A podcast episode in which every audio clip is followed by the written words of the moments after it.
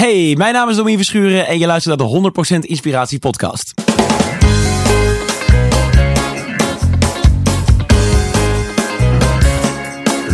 Hey, wat goed dat je luistert. Hij staat weer voor je klaar. Je wekelijkse dosis inspiratie is weer daar. De allerleukste gasten geven al hun kennis prijs. Met je veel te blije host, hij praat je bij. Zijn naam is Thijs. Thijs,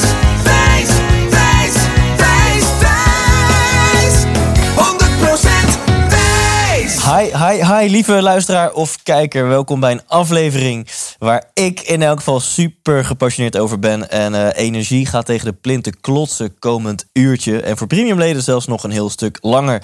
Niemand minder dan Domien Verschuren in de uitzending. Je kent Domien van eh 3FM Serious Request, van Q Music. En je kan hem ook kennen van Man, Man, Man, de podcast. Eh een van de meest populaire podcasts van Nederland. Ik vind het heel tof dat ik in de top eh, drie van zakelijk sta. En Man, Man, Man, de podcast staat vaak gewoon in de top drie van landelijk in, eh, in Nederland, in podcastland. Nou, waar gaan we het over hebben? Uiteraard hebben we het over Domien zijn persoonlijke verhaal, zijn zoektocht naar geluk en succes, de keuzes die hij hierin heeft gemaakt. En we komen er tijdens dit interview achter dat we heel veel dingen gemeen hebben. Dus het wordt ook gewoon een heerlijk gesprek tussen ja, twee, eh, twee mannen die allebei 32 zijn, die allebei liefdesverdriet hebben meegemaakt. We hebben het over onze poezen, we hebben het over in je eentje op vakantie gaan als je je eigenlijk heel erg eenzaam en ongelukkig voelt.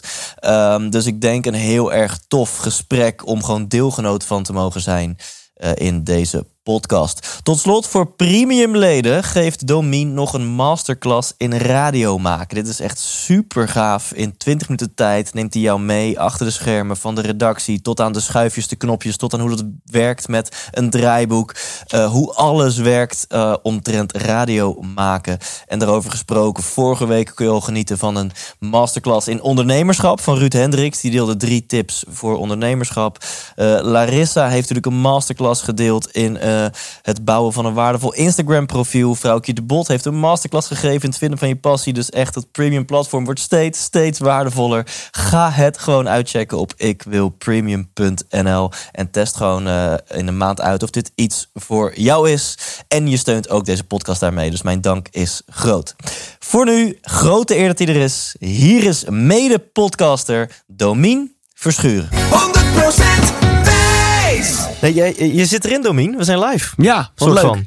Heel, Eh, heel, heel, heel tof. Thanks voor de uitnodiging. Ja, thanks eh, dat je hier wil komen in deze gekke periode. En voor, de luisteraar die helemaal panisch wordt. We zitten gewoon, nou niet anderhalf, maar misschien wel drie meter uit elkaar. Ja, heel fair. Eh, Je hebt net je eigen plotkap uit het verpakkingje mogen halen. Ja. Dus helemaal coronaproof. En ehm, ja, echt tof dat je hier bent. Ik heb zoveel waar ik het over met je wil hebben. Is het van, zo, ja? Ja, van, van, van radio, 3FM, Glazen Huis tot aan Q, tot aan Man Man Man, de podcast. Ja. En, en om nog maar te zwijgen over alle open verhalen die jullie daar delen. Over angst, onzekerheid, drugs, vrouwen, versieren. Ehm, dus ik ben heel benieuwd waar komend uur naartoe gaat. Ik ook. Ik hou mijn hart vast.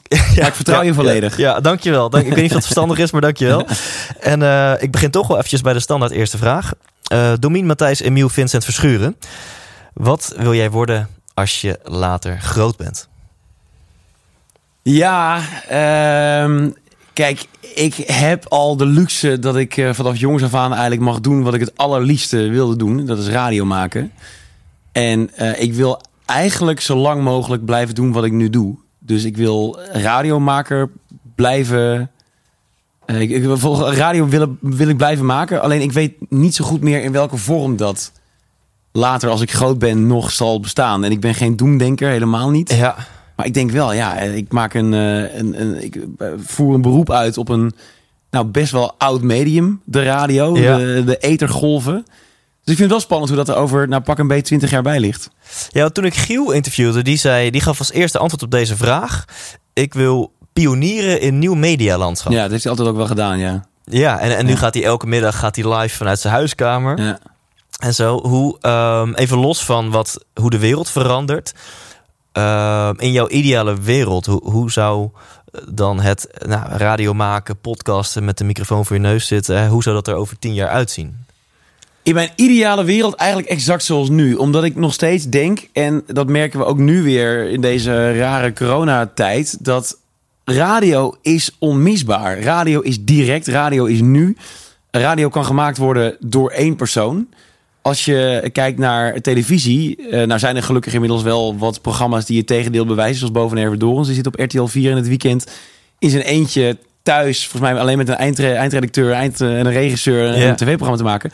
Eh, maar in principe kun je radio met een microfoon doen en met een klein beetje technische kennis. En dan kun je waar, ter, waar dan ook ter wereld kun je live. Ja. Dus ik denk dat ehm, het medium niet per se uit gaat sterven. Helemaal. niet. Ik denk niet dat het doodgaat. Maar ik denk wel dat het op een andere manier gemaakt en geconsumeerd gaat worden. Maar het blijft volgens mij nog steeds het idee van je zet een kastje aan. En wat voor kastje dat is, dat weet ik niet. Ja. En daar komt een stem uit. En die stem die vertelt je wat je wil horen of waar je door vermaakt raakt. Ja, is het niet we- weird eigenlijk dat dan podcasting is nu nieuwe media? Terwijl podcasting eigenlijk een veel ouderwetse karakter heeft dan gewone radio. Ja. Want het is niet live, het speelt niet in op actualiteiten. Mensen kunnen niet inbellen. Je bent als luisteraar niet live onderdeel ervan. En bij gewone radio wel. En Ja. dat noemen we dan traditionele ouderwetse media. Ja, dat maar dat is, dus de, weird. dat is de consumptie ervan natuurlijk. De consumptie van een podcast, dat is best wel nieuwig. Want we zijn allemaal gehaast en we willen Ja. allemaal eh, horen of zien wanneer we dat willen horen of zien. Vroeger moest je natuurlijk de Ja. radio of de tv aanzetten en dan om acht uur kreeg je goede tijden, slechte tijden. Nou, nu kijk je op Videoland vooruit en terug wanneer je maar wilt. Dus het idee van podcasting, inderdaad, het inblikken van audio is heel ouderwets eigenlijk. Dat gebeurt al honderd jaar. Maar dat je het nu dus kunt luisteren op welk platform je maar wilt en wanneer je maar wilt, dat is natuurlijk Ja. helemaal 2020 en daar voorbij. Hey, en om jou meteen maar even irritant on the spot te zetten. Podcasting of radio? Eh, radio. Ja, hoeven we ook niet zo lang over na te denken. De vraag is me ook wel vaker gesteld. Maar ik vind dus het live aspect van radio vind ik heel fijn. Ja. Omdat je weet wanneer je op je bek gaat. Maar je weet ook wanneer je raakt. En dat vind ik bij podcasting ehm, ook heel leuk. Want dat, je zit iets online en dan is het afwachten. Oké, wanneer komen de eerste reacties? Komen er wel reacties? Vind ik ook heel tof. Maar ik vind toch het directe. Ja. Dus de kickback die je meteen krijgt van je luisteraar. De feedback, die vind ik... Ja, dat is voor mij uiteindelijk onmisbaar. ja, ja. En ehm, ja, laten we er meteen maar induiken. We, we, ook als deze aflevering uitkomt, helaas zitten we nog steeds in deze bizarre situatie. Ja. We hadden het er net al een beetje over met, eh, we hebben heel veel om te klagen, maar we weten ook dat het luxe problemen zijn. Eh, maar toch, we hebben het recht om te klagen. Eh, hoe, hoe ga jij, wat doet dit met jou, deze fase? Nou, deze fase, ik ben er inmiddels wel een klein beetje aan gewend, heb ik het idee. Aan, aan de nieuwe werkelijkheid. Het is eh, vandaag één dag na de persconferentie van, wat was het, 7 april. eh, Waarbij Mark Rutte heeft gezegd dat dit eigenlijk nu de nieuwe werkelijkheid is. Dus de, de, de anderhalve meter werkelijkheid. Dus daar begin ik aan te wennen. Waar het in het begin, en dat moet jij ook hebben gezien. In het begin was het een soort van grappig toch ook wel. Van oh, Ja. oh, oh, niet in de buurt komen, niet in de buurt komen. Het soort van clown, clownesk ging je daarmee om. En nu is het logisch dat je met een grote boog om iemand heen loopt. Dat je ehm, op straat loopt in plaats van op de stoep. Omdat je dan elkaar meer ruimte kunt geven. Dus daar ben ik inmiddels wel een beetje aan gewend. Ik maak me nu wel eh, zorgen over die zogenaamde exit-strategie waar nu over gesproken wordt. Dus, dus er zijn al politici, ik zag eh Thierry Baudet zag ik al eh, vrij op tijd beginnen over een exit-strategie. Die wil nu al praten over wat gaan we doen om weer terug te keren naar het normale leven. Ja, Daar maak ik me een beetje zorgen over. Ik ben heel bang dat Nederland te snel wil. oké. Dat er een soort van burgerlijke ongehoorzaamheid komt ook. Dat Ja. we feestjes gaan vieren met de gordijnen dicht. Ja. Eh, dat we verjaardagen weer gaan vieren over een paar weken. Omdat ja, nu hebben we lang genoeg binnen gezeten. Ja. De zomer komt eraan. Eh, temperaturen stijgen tot boven de 20 graden. Dus ik, kijk, ik kan alleen maar doen wat ik kan doen. En, en ehm, ik kan me tegelijkertijd heel erg druk maken over de ander. Maar de ander moet vooral zich houden Ja. aan de regels. En ik kan dat niet voor die anderen bepalen. Maar ik maak me wel zorgen over het moment dat die anderen denken... Weet je wat, we zitten nu al zo lang hierin. Ik kan mijn gang wel een beetje gaan. Of hey, ik ben al twee weken verkouden geweest. Ik ben immuun. We gaan wel lekker naar buiten. Ja.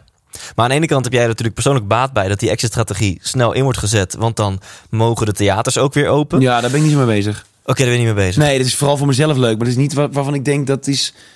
eh, daarom hoop ik dat het heel snel gebeurt. Oké, kan maar hoe ga je daarmee om? Want, want 30 en 31 maart zou je in De Lamar staan. Ja. Twee avonden uitverkocht. 4 juli heb je nou, nog met pot tot in de agenda nu een feestje in Tivoli. Ja. Uitverkocht binnen een paar minuten ook, geloof ik. Om nog maar te zwijgen over 20 shows dit najaar met eh, Man Man Man, de theatershow. Hoe, hoe ga je daar eh, mee om? Dat dat allemaal ja, waars- waarschijnlijk niet doorgaat. Nou, kijk, ik heb, wat je ook moet weten, ik heb natuurlijk een luxe probleem. Of ik heb een luxe positie eigenlijk. Want ik ben radiomaker bij Q Music. Dat is waar ik mijn, mijn brood mee verdien. Dat Ja. is mijn werk. En dat loopt gewoon door. Dat kan ik op welke manier, nou dan komen we weer terug bij het begin. Ik kan het overal ter wereld kan ik dat doen. Ja. Prik een microfoon in en ik kan live. Dus die mazzel heb ik. Dat gaat altijd door. Ehm, en, en van de Podcast is vooral een hobbyproject waarbij er geen banen op het spel staan. Ja. Dus ik vind het vooral heel vervelend dat, ik, eh, dat we onze luisteraars niet kunnen zien. Dat we Mhm. niet naar de theaters kunnen. Maar als ik dan denk wat de reden is, dan ben ik vooral heel blij dat Ja. het om gezondheidsredenen nu in ieder geval op de lange baan geschoven kan worden. En dat wij er verder niet kapot aan gaan. Het is vooral heel vervelend en heel ongemakkelijk dat het niet kan doorgaan. Maar, maar dit klinkt bijna te perfect. Ik bedoel, ik, ik ben ook Mr. Positivo en zo. Maar heb je ook niet zoiets gehad van... Heb je niet echt flink gebaald, weet je wel? Van fuck, ik heb hier gewoon uitgekeken en het wordt me gewoon ontnomen. Ook al begrijp je de reden. Ja, nou, dat was het eigenlijk. Fuck, ik heb er naar uitgekeken. Het wordt nou, maar ja, maar dit is iets. Dit is, dit is larger than life. Dit is een van de grootste crisis waar we ooit als Nederland mee te maken hebben gehad. Er zijn geen draaiboeken voor. De- Er is hier geen individueel gewin aan te halen. Ja. Dus ik kan wel heel boos zijn en zeggen: fuck, ik had vanavond in Delamar willen staan. Sta ik niet en niemand kan er wat aan doen. Dus ik ben heel blij dat wij met, eh, met Friendly Fire, dat is het, het boekingskantoor waar we allebei ook eh, Ja. onze theatertour eh, hebben, hebben we heel snel een alternatieve datum gevonden. Die ligt in september. Ik weet niet of die kan doorgaan, maar die ligt er. Dus dat is Ja. een, een lichtpuntje. Ja. En als die straks niet doorgaat, dan gaan we iets vinden in januari, februari volgend jaar. En ik vind het vooral vervelend voor die mensen die hier naar hebben uitgekeken. Want we kregen wel reacties van, ehm eh, van Delamar bezoekers. Die zeiden, Hé, shit, ik had ehm, gepland om mijn scriptie 30 maart in te leveren. En dan s'avonds bij jullie dat te komen vieren. Ja. Ja, je kunt die scriptie niet nog een keer inleveren in, in september. Ja. Dus dat vind ik er heel jammer aan. Maar voor mijzelf en, en voor de podcast... Mijn tante zei altijd, wat in het vat zit, verzuurt niet. Mhm. En dat is nu maar even mijn, eh, mijn lijfspreuk geworden. ja. En het feit dat jouw primaire inkomstenbron niet onder druk staat... Maar dat maakt het wel makkelijker. Dat maakt het wel makkelijker. klinkt heel bij de hand. Want er zijn onwijs veel mensen in mijn omgeving, in de creatieve sector, die Ja. het heel zwaar hebben. En Ja. ik vind dat super kut om te zien. Dus I count my blessings. Ik, heb, ik, heb daar, ik ben heel blij dat ik eh, het werk wat ik het liefst doe, kan blijven doen. Dat ik kan blijven podcasten. Nou, wat we nu ook doen op een Ja. veilige afstand. Dat kan allemaal nog. En de theatertour is voor ons alle drie een soort van snoepje, een cadeautje wat we Ja. iedere keer weer mogen uitpakken. Nou, dan blijft het wat langer onder de boom liggen nu. Ja, la- laten we heel veel over hebben, want ik vind het natuurlijk hartstikke gaaf. Niet in de laatste plaats, maar ik zelf ook in het theater staan. Ja, ja. We gaan het hier ook nog uitgebreid over hebben. De podcast Man Man Man, de podcast, is, is zo erg uit de hand gelopen in positieve zin... dat, eh, dat daar een theatershow uit is geboren en dat de tickets door het plafond gaan. Ehm, ik heb een, een, een script, nou, niet uitgeschreven, maar in mijn hoofd, van, eh, van twee uur. En, en elke avond duurt twee uur. Ja. Eh, en elke avond eh, vertel ik dezelfde anekdotes, maak ik dezelfde grapjes, drum ik dezelfde liedjes, Ja. stel ik dezelfde vragen aan. het Lijkt me heerlijk. Ja, nou ja, dat gras is altijd groener bij de buren heb je dan. En, en, en jullie gaan zitten met z'n drieën, alle drie op, op een sofa, toch? En, Ja. en, en, en het publiek mag met input komen. Jullie gaan als het ware live podcasten. En dat is een theatershow. Hoe, hoe is dat? doodeng. Maar ongelooflijk leuk als het lukt. En eh, tot nu toe hebben we denk ik tien shows gedaan of twaalf shows. En eh, er zaten echt wel mindere tussen, maar er zat nooit een onvoldoende tussen tot nu toe. En het komt ook echt door de energie die het publiek geeft. Die zalen die zitten vol met mensen die de podcast kennen. Dat is heel fijn. Dus je kunt Oh ja. soort van ook gaan leunen op, op de, de, de veiligheid die de zaal je geeft. Maar het is wel spannend en we hebben best wel wat geprobeerd in de aanloop naar wat we nu een soort van definitieve vorm beschouwen. Dus we hebben een try-out, één try-out gedaan in oktober vorig jaar in Rotterdam.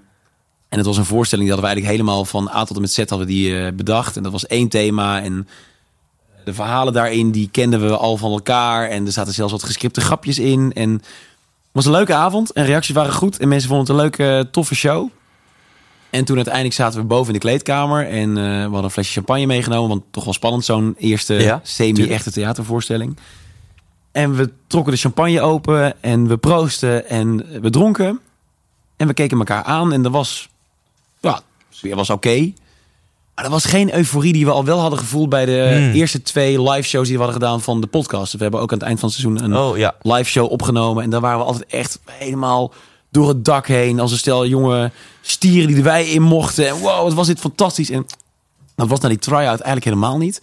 En toen drie dagen later kwamen we weer bij elkaar om een nieuwe aflevering op te nemen. Ja. Gewoon thuis.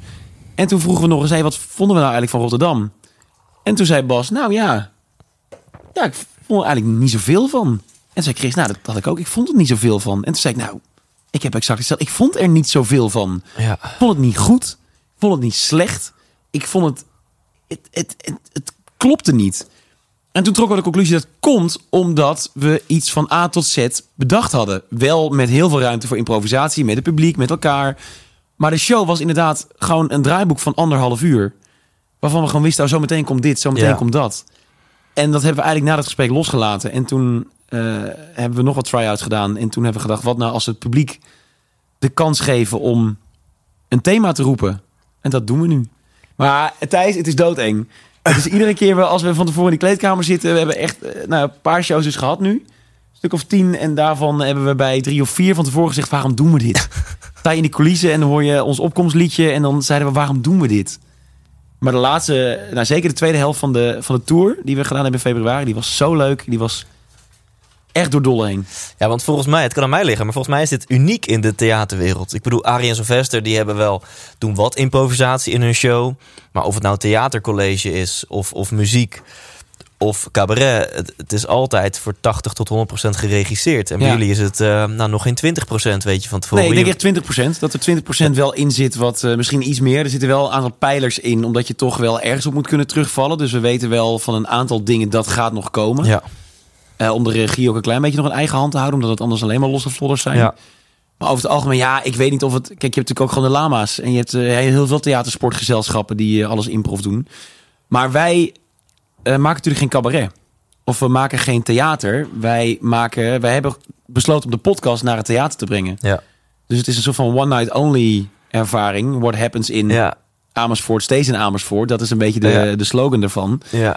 Ehm, dus het is, het is in zoverre uniek dat het, dat het eigenlijk nog... Het is, er is geen sticker op te plakken. Het is geen cabaret, het is geen toneel, Ja. het is geen theater, het is geen voorstelling. Het is ja, een podcast die we niet opnemen.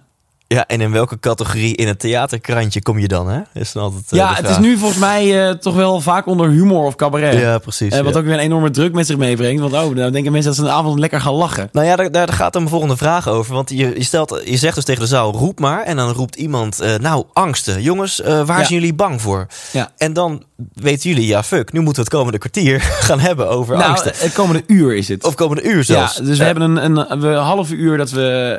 ehm, daar zit wel een beetje improv in aan het begin van de avond. En dat is nog steeds niet helemaal wat het helemaal definitief moet zijn in de, de najaarstoer. Daar gaan we ook nog een beetje aan werken. Maar da- daar hebben we wel wat dingen waarvan we weten... oké, we gaan hierheen, we gaan hierheen. We kunnen het met de zaal hebben over de stad of over de actualiteit. En dan vragen inderdaad, wat moet het thema worden? Ehm, en ook gaandeweg ontdekten we hoe we dat het beste konden doen. Dus eerst was dat... Oh, ik vind het ook wel leuk om het hierover te hebben. Ehm, eerst was het, eh, vroegen we echt, wat moet het thema worden? En dan stonden er dus drie gasten, een beetje slungelig op het podium, naar de zaal te kijken met kom maar. En dan bleef het dus stil. Ja. En dan moesten wij dat een beetje gaan volpraten. En Ja. oh, ik vond het ongemakkelijk, jongen. En later hebben we bedacht, misschien moet er een lekker kabbelend muziekje even onder. Mm. En dat hebben we één keer geprobeerd. En toen merkten we dat op het moment dat er een muziekje gestart wordt, mensen met elkaar durven te gaan praten. Van, oh, hey, misschien moeten we het hebben over, misschien moeten we seks roepen, of misschien moeten we, moeten we geld roepen of angsten. Dus we gaven de mensen ook echt een beetje eh, een soort van laid-back momentje, denk er maar even over na. Waardoor er een heel relaxe sfeer ontstond en mensen ook echt allemaal thema's gingen roepen. En dan hadden we op een gegeven moment acht thema's bij elkaar gesprokkeld. En dan trokken we ons even terug en dan, eh, kiezen we een thema. Ja, cool. En, en, en heb je dan, eh, want daar gaat dan mijn entertainment cabaret vraag over. Heb je dan in je hoofd een zaadje? Want het is improvisatie. Iemand roept angst. Fuck, nu moeten we het een uur gaan hebben over angsten. Ben je dan in je hoofd, in een soort van derde persoon, heel bewust van ja, oké, maar nu is al vier minuten geen grap geweest. Eh, ja, nu moeten we eigenlijk wel weer even wat luchtigs inbrengen. En eh, is dit wel boeiend voor de zaal? Ja, wel een beetje. Je bent wel bezig met een soort van regie houden. Omdat ik ben iedere avond de host. Zoals ik ook in de podcast wel eens de host ben. Maar dan ook afgewisseld Ja. met Bas en Chris. In het theater ben ik de host. Ehm, dus je probeert dan een beetje de lijnen te bewaken. Maar het ook wel heel erg los te laten. Omdat dat volgens mij ook is waar wij uiteindelijk het beste in zijn. Kijk, wij, wij hebben helemaal geen pretenties in de podcast. We zijn gewoon drie gasten aan de keukentafel. In augustus 2018 begonnen met een podcast. En dat hebben we naar het theater gebracht. Zonder grote show eromheen. Zonder grote eh, decor. We hebben helemaal niks. We hebben drie stoelen, een microfoon en een biertje. En we gaan praten. Ja. En ik heb niet de illusie dat mensen met nul voorkennis naar onze shows komen. Of ze worden meegenomen door Ja. buurman, beste vriend, Ja. vader, moeder, weet ik veel wie. Ehm, dus dus wij, wij hebben natuurlijk best wel de luxe dat we kunnen spelen met die voorkennis. En dat we eh, ook wel een klein beetje kunnen leunen op... oh, jullie weten wat we doen. Dus als er even niet gelachen wordt, is het ook oké. want dan hebben we gewoon een gesprek wat ergens over gaat... of nergens over gaat, is ook oké. Eh, maar ik probeer wel los te laten dat je bezig bent met... oh, het moet nu grappig zijn. Want als je vindt dat het grappig moet zijn... dan wordt het 9 van de 10 keer niet grappig. Ja. Ja, tof. Je gaat jezelf overschreeuwen, dat is ook... En ik kan me voorstellen dat dit ook juist het top of the world gevoel geeft achteraf. Als het je dus- lukt, is het waanzinnig. Juist omdat je van tevoren alle kleuren scheidt en elkaar aankijkt van waarom doen we dit? En dan gaat Ja. het lekker dat je dan achteraf wel die champagne openpopt met een top of the world gevoel. Ja. Ja, dat is echt gek. Als je, ja, je voelt het ook gewoon. Ja. Maar dat moet je ook hebben. Je hebt ook avonden tussen zitten dat je denkt... Oh, dit, is, dit komt nu even niet lekker aan. Of, of ik, ik, ik, ik vergalopeer me ergens. Of ik ga te snel of ik ga te langzaam. Ja. En dan is het natuurlijk ook zaak om ergens op die avond weer de controle terug te Ja. pakken. En hoe meer je speelt, er is maar één manier om het te leren. Dat is spelen. Ja. En dat ik dat nu zeg, dat is belachelijk. Want ik, wij zaten bij, ehm, bij Eva Jinek aan tafel een paar weken geleden. Eh, Voor corona. Nou, corona was er al wel, maar toen was het nog haha, corona. Nou, Ja. eh, moet je allemaal wel zien. Eh, er was nog publiek, zeg maar. Dat was, dat was die periode. En ehm, wij zaten toen aan tafel naast Brigitte Kaandorp, Mike Baudet en Arjen Lubach.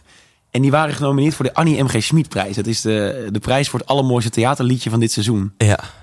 En wij mochten daar vertellen over hoe wij eh, onvoorbereid iedere avond op het podium staan.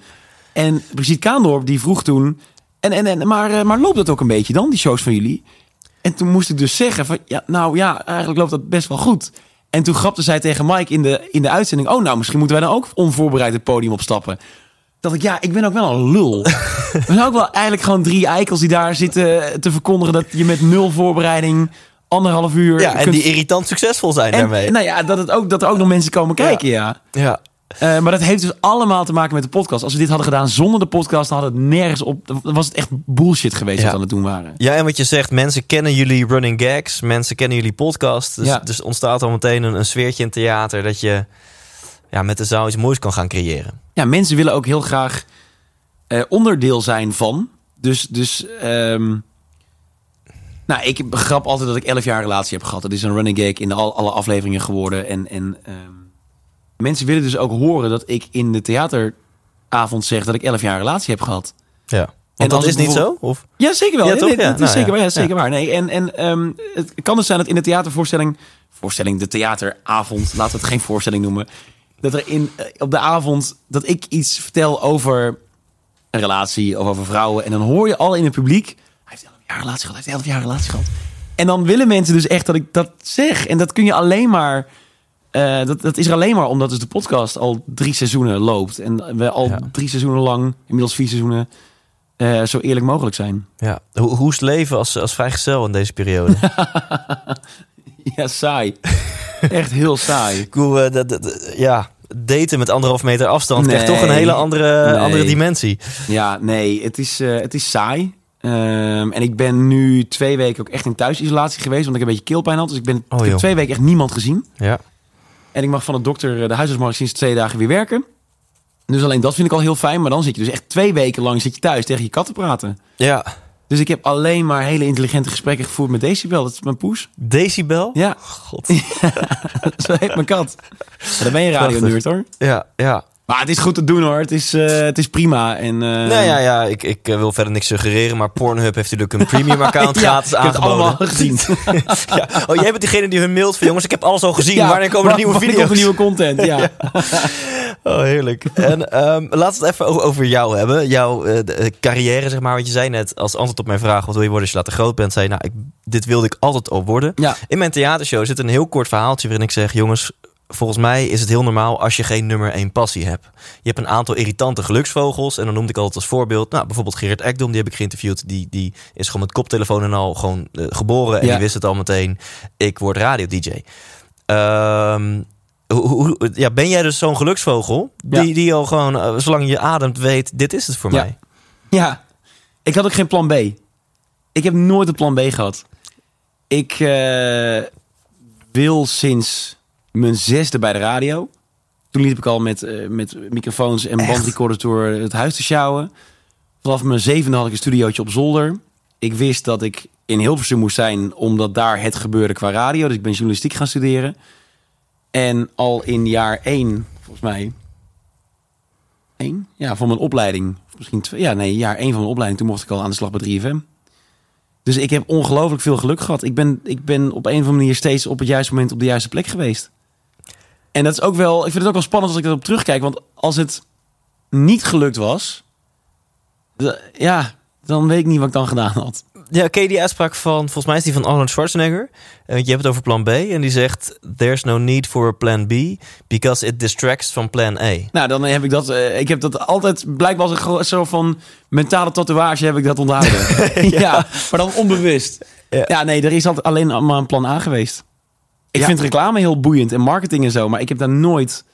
Ik denk dat dat mijn plan B was geworden uiteindelijk, maar ik heb er gelukkig nooit over hoeven nadenken. Ja, maar wat denk je dat er dan een hele dikke vette geluksfactor, als in mazzel, eh, een rol heeft gespeeld in jouw ja, succesverhaal, om maar zo te noemen? Of is dit een soort van hart onder de riem naar iedereen die nu luistert en ook een soort van nummer één droom heeft? Dat je denkt, ja, Nou- als, je, als je maar gewoon vol blijft houden, zit jij ook bij de landelijke radio eh Ja, daar geloof ik sowieso heel erg in. Oké. Ik geloof heel erg in, eh, eh, in, het, in het visualiseren van een einddoel en, en daar alles voor geven. Ja? Dus ik durf wel ook van mezelf te zeggen dat ik alles heb gegeven om hier te komen. Maar ik vind tegelijkertijd ook dat ik geen. Eh, ja, hoe ga ik dit nou eh, zeggen zonder meteen heel erg zielig over te komen? Ik vind niet dat ik een uniek talent heb. Gerard Ekdom. Kijk, Gerard Ekdom is, is geboren voor de spotlights. Gerard Ekdom is grappig. Hij is gevat. Hij is charmant. Hij weet ongelooflijk veel van muziek. Ehm, dat heb ik allemaal niet. Nee, nee, ik, heb, ik heb bij 3FM het geluk gehad dat ik, dat ik mocht werken met megatalenten als Giel Belen. Nou, ja, die heb je ook geïnterviewd. Eh, Gerard. de- allemaal mensen die, die, die gewoon, waarvan je weet dat zijn unieke talenten. Ik keek torenhoog op tegen Giel en Gerard. Omdat dat, dat waren jongens en dat zijn jongens die weten zo goed wat ze kunnen en waar hun kracht ligt. En ik heb dat nooit echt zo van mezelf ervaren. Dus ik weet nog steeds niet zo goed. ehm, nou ja, ik, ik weet inmiddels wel wat ik kan. En ik, ik ben de 30 gepasseerd, dus ik weet inmiddels wel wat ik, wat ik voor radiomaker ben.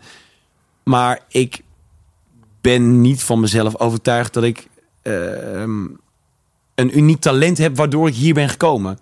Dus ik ben hier dan gekomen door heel hard te werken. Oké. Klinkt dat heel zielig nu? Of klinkt dat heel... Eh, nee, nee, het klinkt niet als een Giro eh 666 Nee, nee, nee. eh, nou, gelukkig. of 5 en 5. Nee, ik vind het heel moeilijk om onder woorden te brengen. omdat, het, omdat het ergens ook misschien kan lijken op valse bescheidenheid of zo. Dat, dat wil ik ook niet. Ehm, Nou, ik denk wel dat dat het voor een gedeelte is. Laat ik zo zeggen, ik herken het wat je zegt. Ik zeg het ook vaak. Van volgens mij ben ik niet een heel getalenteerde drummer. Volgens mij ben ik zeker niet getalenteerd als comedian. En volgens mij ben ik niet de beste inspirerend spreker. Maar dat alles bij elkaar zorgt dat ik er toch nog een aardig showtje van kan Ja, maken. misschien is dat het en dan dat dus. aan elkaar lul. Maar ik krijg dan vaak feedback van mensen. Ja, ja, eh, lul niet. Je, eh, je bent wel degelijk heel erg getalenteerd. En dat is eigenlijk ook de feedback die ik jou wil geven. Volgens Ja. mij ben je toch wel getalenteerder dan je, dan je denkt. Maar je vindt het van jezelf heel normaal. Eh, oh, ik vind het wel zo'n moeilijk onderwerp. Hey, ja, god. Kijk, ik weet wat ik kan. En ik weet ook wel waar mijn kracht ligt op radiovlak. Alleen als je uit een nest komt waarbij eh, er dus jongens als Giel en Gerard, maar ook Koen en Sander, eh, Michiel Veenstra, Erik Corton, Claudia de Brij. Godsam, ik heb, ik heb ze allemaal van dichtbij meegemaakt. Toen, Eh, toen het nog mocht. Toen het nog mocht, ja, dat is heel lang geleden inmiddels. Maar ik heb echt met, met de, de supersterren van de radio heb ik gewerkt.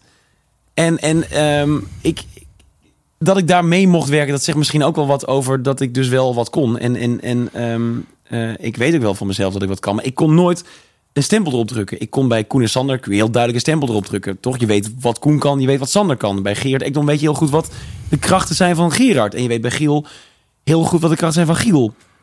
En ik heb heel lang, nou, ik ben er inmiddels wel overheen. Hoor. Ik heb heel lang heb ik moeite gehad om dat stempel op mezelf te drukken.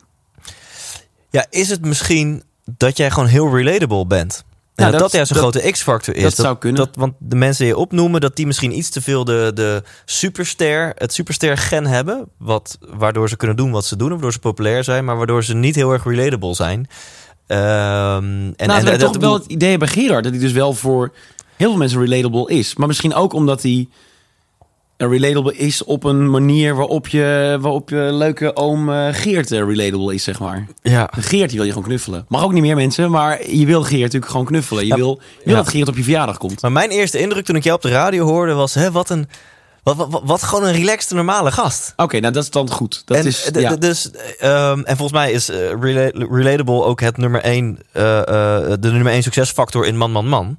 Dat het gesprekken zijn die, die elke dude met zijn eh, vrienden heeft in de kroeg of, eh, of whatever. Ja, nou, dat moet het wel zijn, ja. Dat is nooit zoals format bedacht, maar dat is wat het is, denk ik. Ja. Oh, maar ik ben En- wel blij dat ik dat zeg, want ik heb op een gegeven moment ook dat wel losgelaten, hoor. Ik, ik heb wel echt gestruggeld bij 3FM.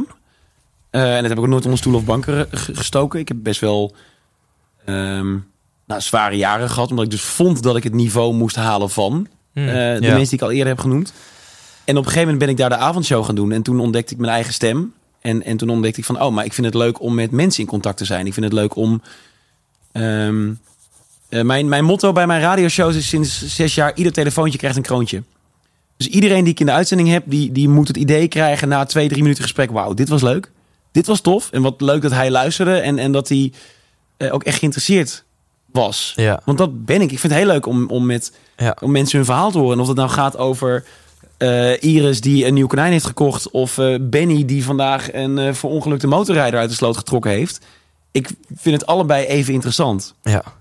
Dus dat, dat is dan denk ik mijn, mijn talent. nou ja, zijn je, ze rijden groenhard, zei je een keer in de uitzending.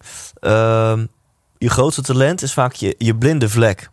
Omdat Oh ja. eh, je zou dus talenten kunnen definiëren als dingen die jij heel normaal vindt. Maar dat is nou juist de definitie van een talent. Dat jij dingen doet die voor jou heel normaal zijn, maar voor andere mensen heel bijzonder. Maar het is ook heel moeilijk om over je eigen talent te praten, toch? Ja, maar dan, dan zou je dus bijna, als je die omklapt, die definitie. Dus als je onder de indruk bent van jezelf, van iets van jezelf, dan is het blijkbaar geen talent. Want dan ben je van jezelf heel erg onder de Oh, indruk van, ja. oh wat gaaf ik het, dat ik dit kan. Ja. Maar dan, dan ben je dus jezelf aan het impressen.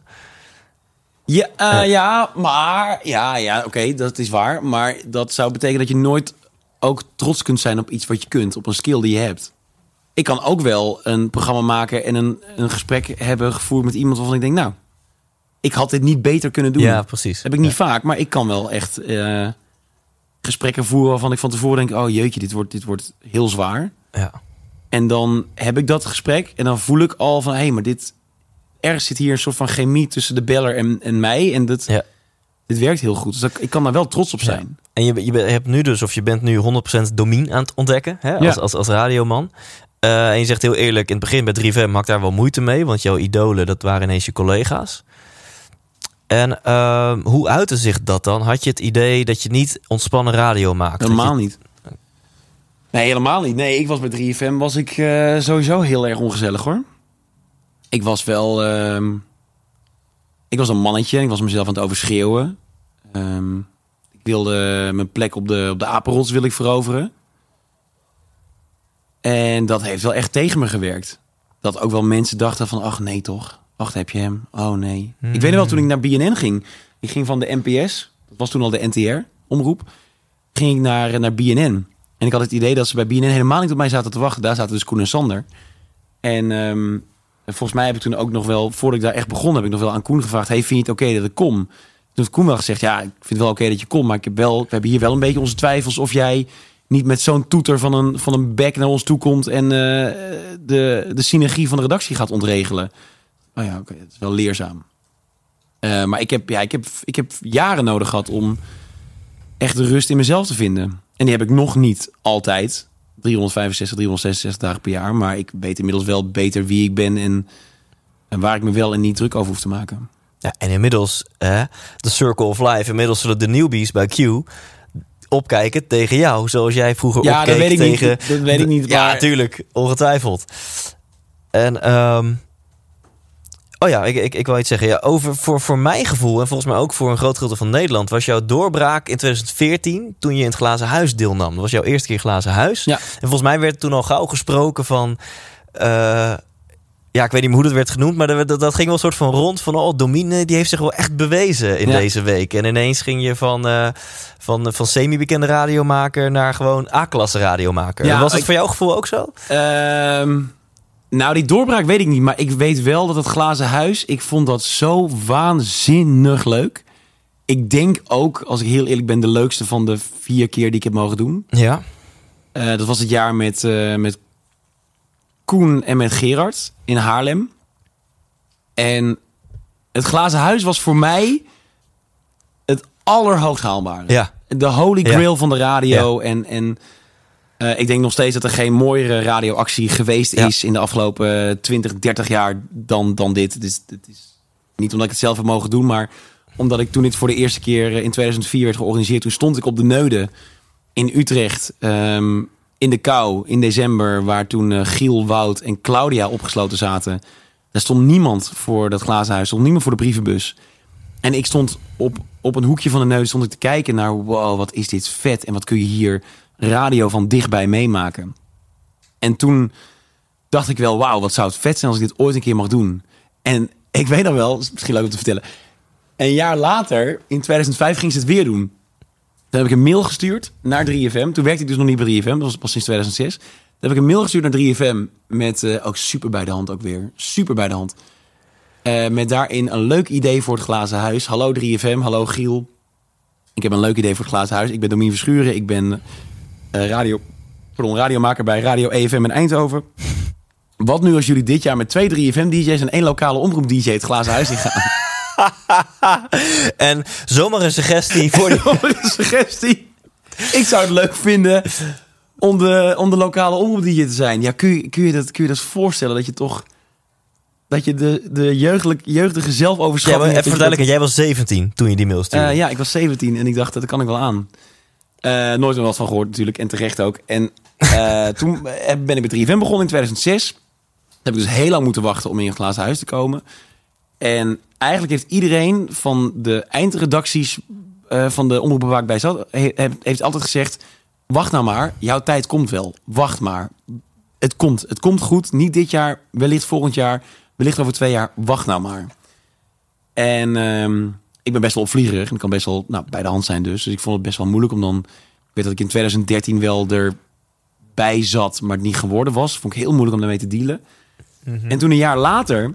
Want het is in principe de, de, de zendercoördinator of zo die dat ja, bepaalt? nee, of, het is... eh, eh, kijk, ik weet, ik weet niet hoe het nu gaat, want de Serious Quest is natuurlijk helemaal veranderd. Het is nu met lopen. Maar toen was het zo dat het een ehm, overleg was tussen de eindredacties van de omroepen... onder leiding van de zendercoördinator. ja. Dus er werd gewoon gekeken naar sowieso een ideaal trio. Ehm, gekeken naar eh, de belangrijkste poppetjes van de zender. Want je wilt wel, het is ook gewoon een marketing tool. Eh, plus dat het een eh, heel mooie manier is om heel veel geld op te halen voor Ja. het Rode Kruis. Ja. Maar het zet ook de zender natuurlijk in de spotlights. Dus dat, dat werkt ook wel mee. En uiteindelijk is gewoon ge- gekeken naar wat is het beste trio. En in 2014 deed ik een jaar lang de avondshow. Ik vond dat ik toen mijn stem gevonden had als radiomaker. En dat vond dus 3FM toen ook. En toen... eh, ik weet nog precies waar ik was toen ik een telefoontje kreeg. ja, want het werd hem bij Giel na uitzending bekendgemaakt, geloof ik, toch? En die, die ging dan de telefoontjes Ja, maar doen. nee, nee, nee. Want toen was het al... eh, Toen, toen het bekend werd gemaakt, toen wisten wij het al wel. Oh, oké. Toen wisten wij het al wel. Toen was dat... eh, Dames en heren, nothing is real in showbiz. Nee, wel, maar toen was dat, al, dat, toen was dat er al vanaf hoor. Toen was dat van we gaan nu bellen met. Dat was er toen al wel vanaf. Oh, oké, oké. Toen was het 15, dat weet ik niet meer. Maar op een gegeven moment zaten wij gewoon, moesten wij klaarzitten in de gang om echt binnen te komen lopen. Ja. Misschien was het 2015. weet ik even niet meer, daar wil ik ook vanaf zijn. Eh, maar ja, ik weet wel dat ik een telefoontje kreeg dat ik, eh, dat ik mocht meedoen. Maar dus negen jaar, hè, bijna tien jaar nadat bij de hand een mailtje Ja. van dat ettertje van Toen stond 17 ik er. uit Eindhoven. En toen dacht ik nog, ik moet het niet verneuken. Ik moet het dus niet verneuken. Goed mantra. Ja, Niet verneuken, Domien. don't, don't fuck it up. En ik, ja, ik, vond het, ik vond het alleen maar fantastisch. Wat een trip. Ja, want je- het, volgens mij is het erop of eronder. Hè? Zonder dat ik het negatief bedoel. Maar bijvoorbeeld, Timur of zo, die, die, die vond het volgens mij best wel kut. En die werd na een tijdje echt wel een beetje, een beetje cranky in dat huis. En, en, en, en, en jij, jij, jij straalde helemaal en je bloeide helemaal op. En je vond het gaaf en je bleef positief. En, Ja. en je hebt gejankt en gelachen. En, en Nederland begon van je te houden. Ja, ja, ik was alleen maar bezig met radio maken. Dat, dat was het. En ehm, ja, ik merkte ook gewoon dat ik zelf daar vleugels van kreeg. Dat je mag dan dus vier uur lang achter elkaar radio maken. Ondertussen lopen Koen en Gerard lopen door het glazen huis heen. Eh, Jet Rebel komt binnen. Kensington vertrekt net. Jan Kooijman en Johnny de Mol die eh, komen. Ja, het was echt... en dat was, dat was jaar één. Toen mocht ik dus nog drie jaar daarna. Het is zo'n bizarre trip geweest. En ik mis het onwijs. Ik mis het glazen huis ook als consument nu. Ik, vind het, eh, ik snap het waarom het er niet meer is. Maar ik vind het heel jammer dat het niet meer zeven dagen Ja. voor kerst op tv is en op de radio. Het was echt eh, het was magisch. Ja. En dan verder, jouw, eh, jouw overstap naar Q. Hè? Dit hoeft geen journalistiek interview te worden, maar het is toch voor jou persoonlijk een belangrijke. Nou, dat is niet de insteek van de podcast, maar wel hoe dat persoonlijk bij jou is gegaan. Eh, ehm, ja, dus dat is eigenlijk de vraag. Hoe is dat gegaan, de overstap naar, naar Q? Wiens een call was dat? En ehm, ja, vertel er eens wat over. Nou, dat heeft wel even geduurd. Ehm, omdat 3FM nou, ik heb een periode in mijn leven gehad dat ik dacht... ik ga dit weekend naar de tatoeageshop... om een tattoo te nemen van een 3. Op mijn enkel of zo, ergens waar niemand het ziet. Omdat 3FM is voor mij zo extreem belangrijk geweest... en nog steeds, het heeft een plek in mijn hart. En um, dat zit voor altijd in mijn ziel. En, en 3FM ben je for life. Maar op een gegeven moment voelde ik dat er een moment was gekomen... dat ik misschien ook wel eens wilde kijken hoe het buiten 3FM was. En dat kwam ook omdat, nou, dus iedereen die eerder genoemd is, die was weg. Giel was weg, Koen en Sander waren weg, uh, Gerard was weg. Uh, het, 3FM waar ik verliefd op was geworden, dat bestond eigenlijk niet meer. En er was een enorme nieuwe lading aan energie, jonge talenten, nieuwe mensen op de vloer. En um, daar had ik ook heel veel vertrouwen in. Maar ik merkte gewoon dat mijn focus langzaam maar zeker een beetje begon te verdwijnen. En ik zat in de ochtend, wat natuurlijk de allermooiste plek is voor heel veel radiomakers. Ja. Uh, je mag daar alles, je kunt daar alles, uh, je krijgt daar alles. Je krijgt alle middelen om daar een mooi programma te maken. En toch merkte ik dat mijn focus niet 100% was. En dat er dingen gebeurden om mij heen, maar ook binnen 3FM, waar ik van dacht... Misschien zit ik hier met te veel... Misschien is het, is het oude 3FM-logo te veel op mijn ziel getatoeëerd... Om, om het nieuwe logo te kunnen omarmen, zeg maar. Ja. Het klinkt misschien heel zweverig, maar dat was het. Ik, ik kon me op een of andere manier niet meer losweken van dat oude 3FM, dat wat ooit was. Ja. Wat er gewoon niet meer is. Ja. En dat hoeft ook niet. Dat is helemaal oké. Okay. Weet je, alle radiozenders die evolueren. Kijk naar Radio 538, maar kijk ook naar Q-Music. Ja, het is niet meer ja. een zender zoals die er vijf jaar geleden of tien jaar geleden voor stond. En, en ontstaat dan niet, net als ik leg even de analogie met de Formule 1... dat je denkt, ja, dat team is nu het nummer één team... maar als ik daar een contract neem... wie weet dat ze volgend jaar een slechte auto hebben gebouwd... en dan zit ik bij een shit team. Nee, is dat ik ook ben in nee, Radioland nee, ook een beetje van... Nee, ja, okay. nee, kijk, en dat is lekker aan radio. Radio heeft luistercijfers, alleen die komen één keer per maand... Uh, en die zijn dan, het is een verdeling over twee maanden. Gemiddelde wordt ervan genomen. En je kunt daar eigenlijk heel weinig van zeggen. En tegelijkertijd is het heel belangrijk. Bij tv word je natuurlijk iedere dag afgestraft op wat je doet. Ja. En radio heeft daar veel meer ruimte. Radio is slow business. Dus ik ben altijd van het idee geweest... je bent zo goed als je laatste programma. Als je laatste programma niet goed was... moet je vandaag of morgen beter je best doen. Ja. En of je dat nou doet bij de nummer 1 of bij de nummer 8... als het gevoel goed is bij het team waar je zit... dan is dat oké. Okay. En tuurlijk, ik heb bij 3FM... ik ben met 3FM ben ik de nummer 1 geworden in 10 plus. Dus van alle radioluisteraars was, uh, luisterden de meeste naar 3FM in was het 2012, 13 zoiets. Ja. Maar ik heb ook meegemaakt dat we dachten, nou lager dan dit gaan we niet meer. En toen gingen we nog lager. Maar het is voor mij nooit een reden geweest om om me heen te gaan kijken.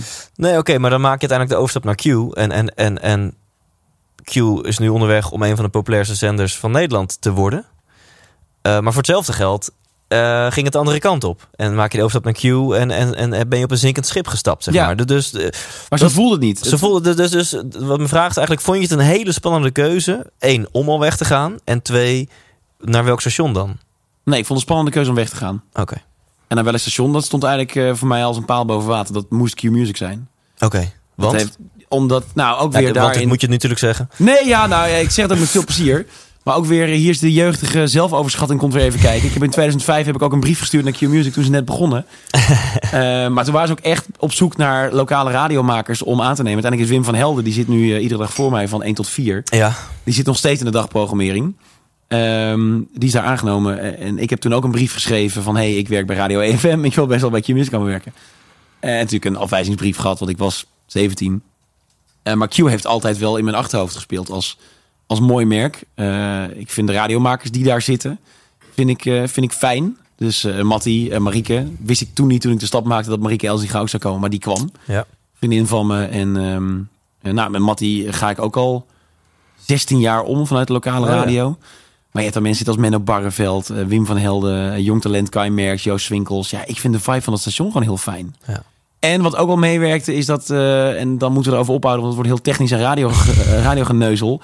Ehm, de, de baas daar, dat werd Dave Minnebo, die kwam van Radio 538.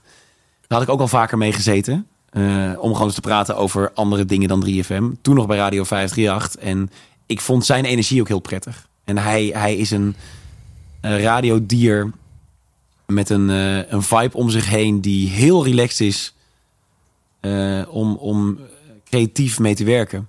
En toen hij naar Q ging, dacht ik, oh, maar nu, nou, nu wordt het wel heel makkelijk gemaakt. Ja, en nou, dan kunnen we hiermee uit het radiowereldje stappen. Ben jij een gevoelsmens? Hè? Dus, dus ben je, maak je beslissingen. Ben je iemand die heel erg naar zijn intuïtie luistert? Nee, basis van geld wel. nee.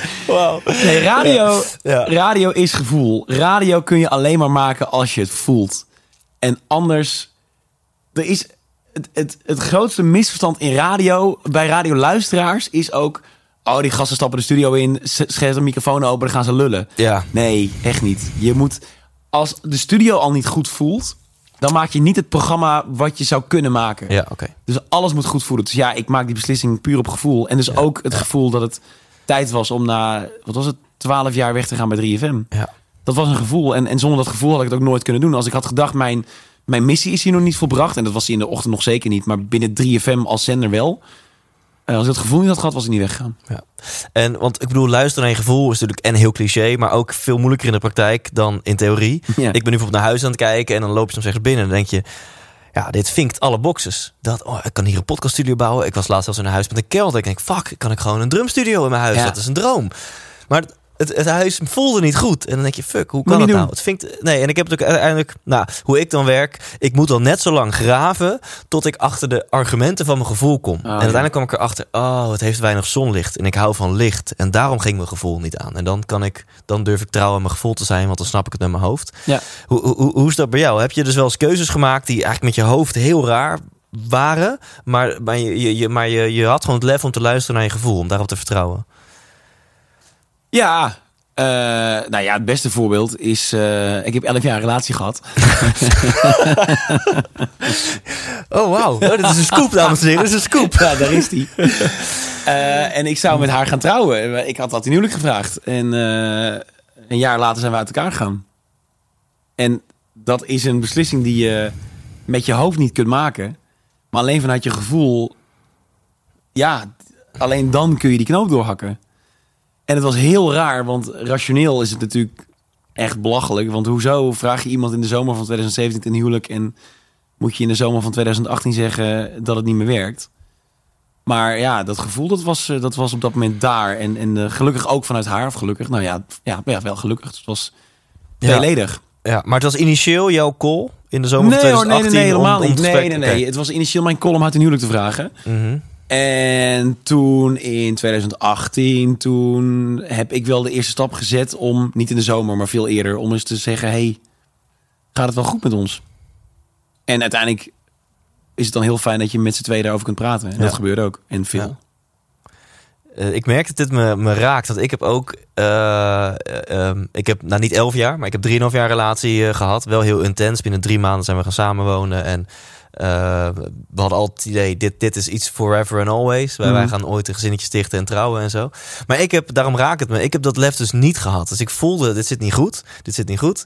En ik durfde het gesprek niet te opperen. Want ik dacht, als ik het gesprek opper, is er een hele grote kans dat het gesprek gaat uitlopen op een break-up. En daar was ik zo bang voor. Mhm. Dus ik heb het gewoon door laten sudderen, door laten sudderen... totdat eigenlijk zij degene was die, die met de call kwam... van hé, hey, dit gaat niet goed tussen ons, hè. En jij, jij hebt dus wel dat, dat gesprek gecallt. Dat vind, ik- ja, vind ik heel nou ja, ik wilde dat vooral voorkomen. Omdat ik vind ook als je in een relatie zit en hoe goed of hoe slecht dat ook gaat, je moet blijven praten altijd. En het is doodeng. En, en ehm, nou, wij hebben er de tijd voor genomen ook. Dus wij hebben er heel veel over gepraat. En niet heel veel in een korte periode, maar over meerdere maanden. En toen op een gegeven moment kwam Lowlands. En Lowlands was voor ons allebei echt een soort van holy grail in het jaar. Van daar leven we naartoe. En dat wordt te gek. En met vrienden en collega's gaan we daar lekker drie dagen, vier dagen helemaal uit ons pannetje. Toen zeiden nou als Lowlands niet leuk is met z'n tweeën, dan kappen we ermee. Verder, verder no pressure. En Lowlands, nou, Lowlands was niet leuk, Thijs. Dat was niet Oh, gezellig. God. Nee. Oh god. nee. Ja, en nu kunnen we erom lachen. We zijn super goed samen. En eh, we appen veel en we bellen veel. En eh, zij is gelukkig met iemand. eh, en ik zit alleen met mijn kat thuis. iedereen, iedereen, iedereen is een winnaar in dit verhaal. Ja, precies. Wat, wat, hoe lang is het geleden? Ja, 2018 zeg je, dus, ja, dus, nou ja, bijna nu, twee bijna jaar. twee ja. jaar geleden. Ja, het is ook zo raar, want ik heb het in die podcast nog steeds over haar. Terwijl ik denk, ja, ik, heb bijna, ik ben bijna langer vrijgezel dat ik met haar ben geweest. Ja, ja. We zijn bijna twee jaar verder. Nee, ik heb dat ook. Ik bedoel, mijn, mijn nummer één referentie van een serieuze, langdurige relatie is, is mijn laatste relatie. En dan Ja. maar na een tijdje word je een beetje gek van jezelf. Dat je denkt, Ja. ja, nu klink je zo'n loser die maar over zijn ex blijft lullen. zo lang geleden ja, al. als het onderwerp liefde, seks, relaties is, dan is dat je natuurlijk je meest grote eh, kun rugzak aan anekdote. Ja, ja, ja. En eh, was dat... Oh, hey, was dan 30 toen het, toen het gebeurde. Was dat ook ergens eng van fuck? Nee. Eh, Nee. Nee, Vertel. met, eh, met 30 jaar en eh schaapjes op het droog hebben en zo. En toekomst bouwen en zo. ja, dat Nee. je... Dat je Nee, ja ik, ja, ik heb daar geen last van. Ik heb daar helemaal geen last van. Ik vind het wel kut dat nu dat hele coronavirus opeens een heel jaar uit mijn agenda sloopt. ja, zometeen ben ik 33. Nee, ja, maar misschien is het ook de mazzel dat je een man bent, denk ik. Dat, dat, ik, Ja, dat je technisch gezien komende 60 jaar nog kinderen kan krijgen. ja, of, of, ja, eh, ja, ja, nou ja, wel dat ja. Eh, dat werkt wel mee. Ik vind het vooral jammer. Ik vind het vooral heel jammer dat dit niet gelukt is. En dat ik ook nog steeds niet echt de vinger erop kan leggen waarom het zo 180, da- eh, 180 graden is gedraaid. Is natuurlijk ergens is het inderdaad heel raar dat je iemand een huwelijk vraagt en een half jaar later erachter komt: hé, hey, die gaat niet goed. Ja. Ehm, maar iedereen die gevraagd heeft hoe dat zat, heb ik gezegd gevoel. Dus dat, nou ja, dan heb je je antwoord. Dus dat heb ik echt puur gedaan, we puur gedaan vanuit gevoel. Maar ik ben niet in paniek van, oh, nu ben ik 30 en het 30 is dilemma kan ik niet beantwoorden. Wanneer begin ik aan kinderen? Met wie begin ik aan kinderen? Ik vind het nu wel kut dat ik niemand heb om tegenaan te kruipen eh, als een je- van corona-buddy. ja, behalve Decibel. Behalve Decibel. En dat is niet de allergezelligste kat ter wereld. Dus die rent weg op het moment dat ik hem wil pakken. Laten we hopen dat Decibel niet luistert. Nee, nou, ze heeft inmiddels wel een beetje. Ze weet inmiddels wel, wel wat ik van haar vind. dus dat is, dat is wel. Nee, maar ik ben niet, eh, ik ben niet in paniek over. eh, ik word straks 33 en ik heb nog niemand. Ja. ja. En hoe, hè, over relatable gesproken, we maken allemaal liefdesverdriet mee. Hoe verwerk je zoiets? Want bijvoorbeeld ik zelf, ik zat toen, nou, ik kan wel zeggen, in het dieptepunt van mijn leven. In de, de zomer van eh 2017. En toen had ooit een keer had ik iemand geïnterviewd, Ruben van Zwieten, misschien ken je hem. Mm. Eh, de dominee van de Zuidas. Ja, ja, die zei, ja. Thijs, eh, in mijn leven zoek ik eh, bewust de eenzaamheid op. Eén keer per maand laat ik mijn telefoon thuis en dan kus ik mijn dochter en mijn vrouw gedag en ga ik de natuur in voor een paar uur en zoek ik de verveling en de eenzaamheid op. En hij zegt in die paar uur van verveling en eenzaamheid komen eigenlijk de grootste inzichten en helderheid tot me die ik gewoon nodig heb in mijn leven. Nou ja, die anekdote die ging door mijn hoofd. Echt, echt vers toen, toen onze relatie definitief uitging. En ik boekte een ticket naar Bali. En voordat ik het wist, zat ik in mijn eentje in een gigantische villa in Bali. Me gewoon kut te voelen. Dus Ja. het was eigenlijk eh, eh, achteraf gezien veel te vers. Had ik even moeten wachten. Eerst even een periode gewoon lekker met je vrienden zuipen en gek doen. En, en je storten op je werk voordat je eh, zo'n grote keuze maakt. Maar dat, dat was mijn poging om het te verwerken. Hoe, hoe, hoe heb jij zoiets verwerkt? Ik ging naar New York. Eh, alles kwam samen, want ik. ehm, Nou, het was zo. Ik nam op. eh, moet ik even goed zeggen. 31 augustus of zo, of 30 augustus, nam ik afscheid van 3FM. Laatste ochtendshow. En drie dagen later moesten Caroline en ik op Instagram zeggen dat we uit elkaar waren. Moesten, lang verhaal. Mhm. Eh, maar het kon even niet anders. Dus het, in een één weekend was ik alles waar ik op Ja. 12, 11, 12 jaar op gebouwd had, was ik allemaal kwijt. Zelf gekozen gelukkig, Ja. dus ik wist wel een beetje ehm, wat er aankwam. En toen had ik een maand vrij. Dus ik mocht een maand lang mocht ik niet op de radio. Ik mocht niet meteen van 3FM naar Q-Music. Nou, begrijp ik allemaal. Dus ik was een maand was ik, eh, had ik betaald verlof. En ik dacht, oké, nou waar ga ik naartoe? New York. Daar was ik al een keer geweest in mijn eentje in 2012.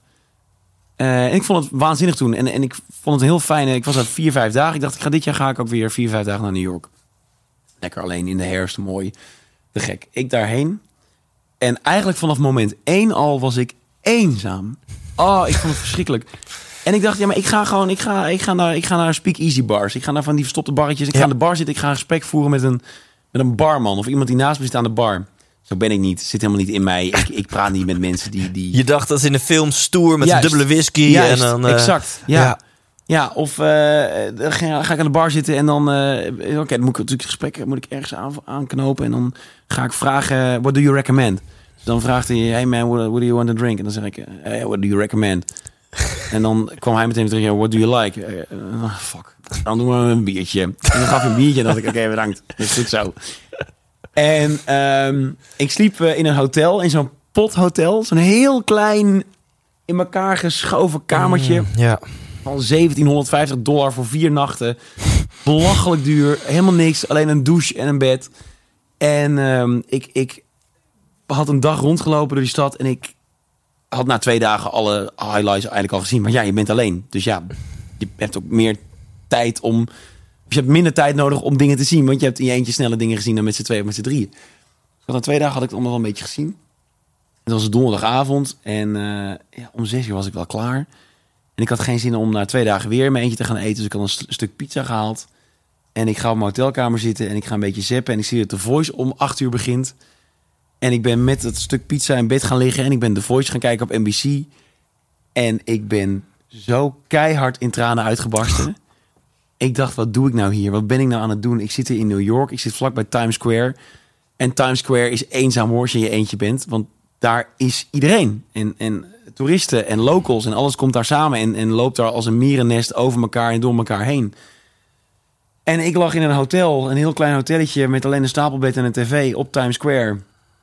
En ik dacht, dit heb ik helemaal verkeerd gedaan. Ik had helemaal niet naar New York moeten gaan en tranen uit mijn kop gejankt. Verschrikkelijke avond gehad. En de volgende ochtend ook weer met dat eenzame gevoel wakker geworden. Toen dacht ik wel, oké, maar ik moet er wel even overheen. Dus ik moet er een leuke dag van maken. En toen heb ik wel voor mezelf helemaal uitgestippeld. Oké, waar ga ik vandaag naartoe? Waar ga ik donuts halen? En waar ga ik, wat ga ik sightseeing? En dat was een mooie dag, zonnetje scheen. Maar die avond, dat vond ik zo'n kenmerkend voor...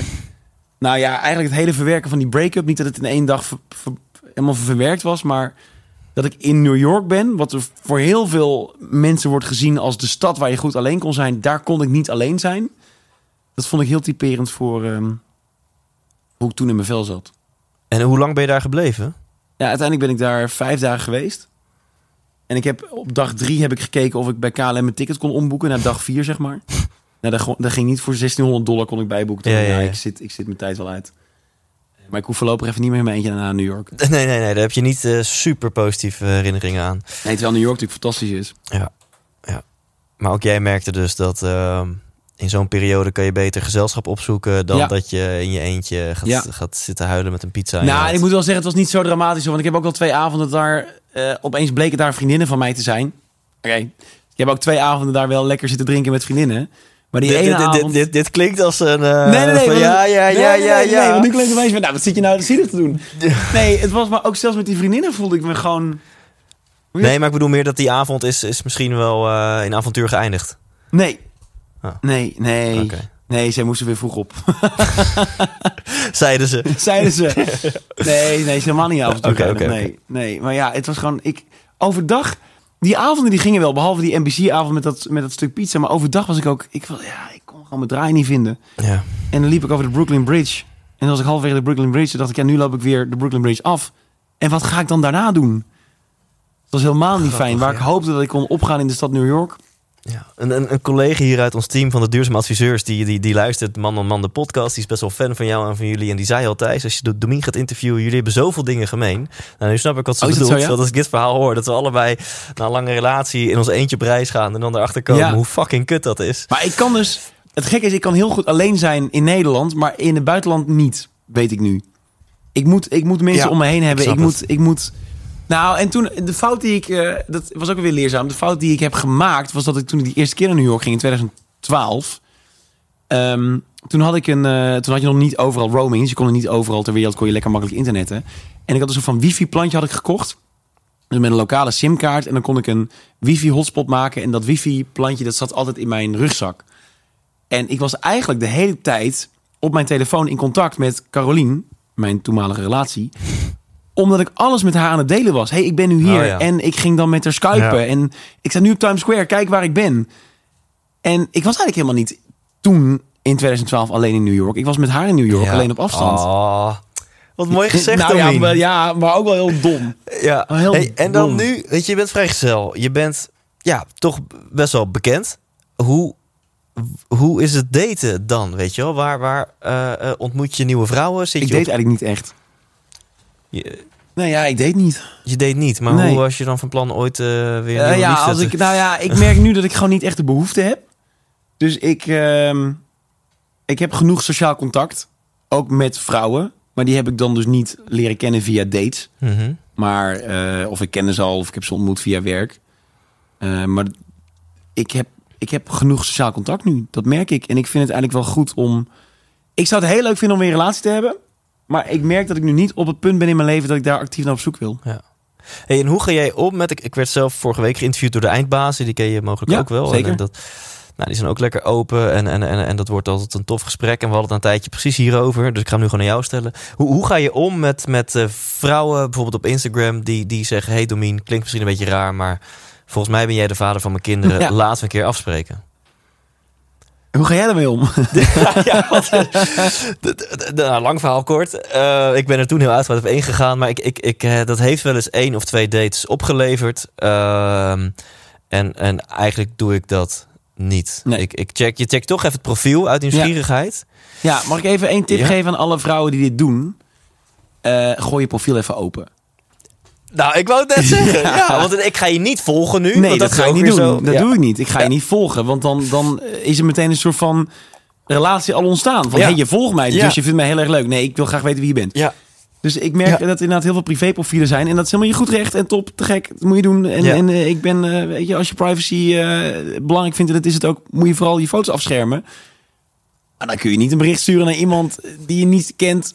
Eh, en dan moet ik maar inzoomen op je profielfotootje wat in 20 Ja, nee, pixels. nee, nou, goed. Ja, nee, oh, ik voel me zo begrepen nu. ik vind het heel irritant. Ik denk veel schat, ik moet het doen met een mini-mini fotootje Ja. die niet eens groot te krijgen is Ja. op Instagram. En met happy life, fit girl, hashtag live with two cats. En op basis van die informatie eh, moet ik... ik weet niet wie je bent. Dus ik moet dan daar al op antwoorden.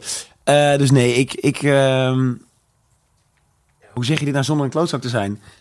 Sommige berichten lees ik wel, want ik merk ook wel dat ik... Zeg maar, het, het, voor, het voorbeeld wat jij net geeft, daar ga ik niet op in. Dus ik denk dat je de vader van mijn kinderen bent. Dat vind ik een leuke openingszin, maar die doet me niet zoveel. Mhm. Maar er zijn ook echt wel berichten van meiden die echt hun best doen. Van, hey Domien, ik, ik twijfel best wel lang om je de berichten sturen. Maar nu in deze gekke tijd bijvoorbeeld wil ik toch dat je dit weet. En je hoeft er niks mee te doen. Maar zou je het leuk vinden om een keer wat af te spreken? En dan is mijn reactie, hey, nou, weer een naam Iris. Ehm, wat leuk dat je dit bericht stuurt. En ik voel me enorm gevleid. Maar op dit moment ben ik niet op punt in Ja. mijn leven om, om eh, hier actief op in te gaan of whatever. Dus- en, en, en sta jij er... wel- Ja, misschien is het eh, antwoord ook te, niet tactisch om hier ja op te zeggen. Maar sta je ervoor open dat als je zo'n uitgebreide brief eh, of mail of, of Instagram bericht leest... Sta je ervoor open dat je dan wel ineens denkt van... Nou, op de een of andere manier raakt mij dit wel. En fuck het, waarom ook niet? Of is het gewoon een soort van regel van... Nee, per definitie ga ik daar gewoon niet op in. Ehm, per definitie klinkt meteen weer zo heftig. Nee, nou, er is niet echt een per definitie. Maar het, het, ik denk niet dat ik de moeder van mijn kinderen ga tegenkomen op Instagram. Ja. Ja, je, Op je- die manier denk ik niet. Misschien wel dat ik... Het kan wel, ik weet, ik weet het niet. Ja. Ik weet het niet, maar ik denk niet... Ik heb nog steeds het idee dat ik iemand ga tegenkomen in de kroeg. Nou ja, dat kan even niet. Dus ik kan 2020 dus uit mijn agenda schrappen. Eh, ik heb nog steeds de hoop dat ik iemand tegenkom in de kroeg. Of via via, op een feestje. Of via werk. ja. Ja. Ehm, maar misschien wel via Instagram. Ja. Wie weet. En misschien zie ik wel iemand reageren onder een foto die mijn oog trekt. ja. Waardoor ik degene ben die een, die een privébericht stuurt. Ja, wat dat betreft hebben wij wel de luxe dat we denk ik een levensstijl hebben... eh, waarbij we best wel veel plekken komen... en best Ja. wel vaak nieuwe mensen ontmoeten. Dat Ja, zeker. is natuurlijk anders als je Dat is een luxe, ja. Dat is eh, echt een luxe. En echt, Ja. een, echt een, een privilege ook. Wat, we, wat ik heel erg waardeer. En wat ik, wat ik inderdaad... nou, ik zie daar de waarde wel heel erg van in. Ja, Ik vind het heel fijn. Ik heb zelf ook wel eens een, ehm, een hele uitgebreide mail gehad. En waarin ze ook zei: eh, Ja, ik ken jou wel. eh, ik ken jou wel, maar jij mij niet. Dus hier, een, eh, hier wat over mij. Bijgaand vier foto's van mezelf. Oh ja? En echt ook. En, ehm, maar ik reageer wel altijd. Ook op de, de, de oppervlakkige. ehm, wil je de vader van mijn kinderen zijn berichtjes. Want ik ben dan toch wel een soort van goedzak of zo. Dat ik dat Ja. niet over mijn hart kan verkrijgen om dan niet te reageren. Ja. Maar ik vind het altijd, ik vind mensen afwijzen heel moeilijk. En dan is Ja, het toch een soort van, ja, wat je zegt, je wil geen asshole zijn. Nee, Je maar wilt- ja, je bent natuurlijk ook een lul als je niet antwoordt. Ja, Ja, ik vind het een moeilijke, een moeilijke tweesplitsing hoor. Omdat ik ook gewoon bij veel berichten denk... Ja, dat klinkt heel arrogant, maar wat denk je zelf? Wat denk je zelf? Wat, wat zou jij ervan vinden als ik zoiets naar jou zou sturen? Eh, en ik kijk ook wel een beetje naar het tijdstip van de, van de berichten. Er worden ook veel berichten... Oh, die vind ik scherp. Er worden veel berichten op eh Vrijdagavond, eh, 11 uur. 121 AM gestuurd, zeg maar.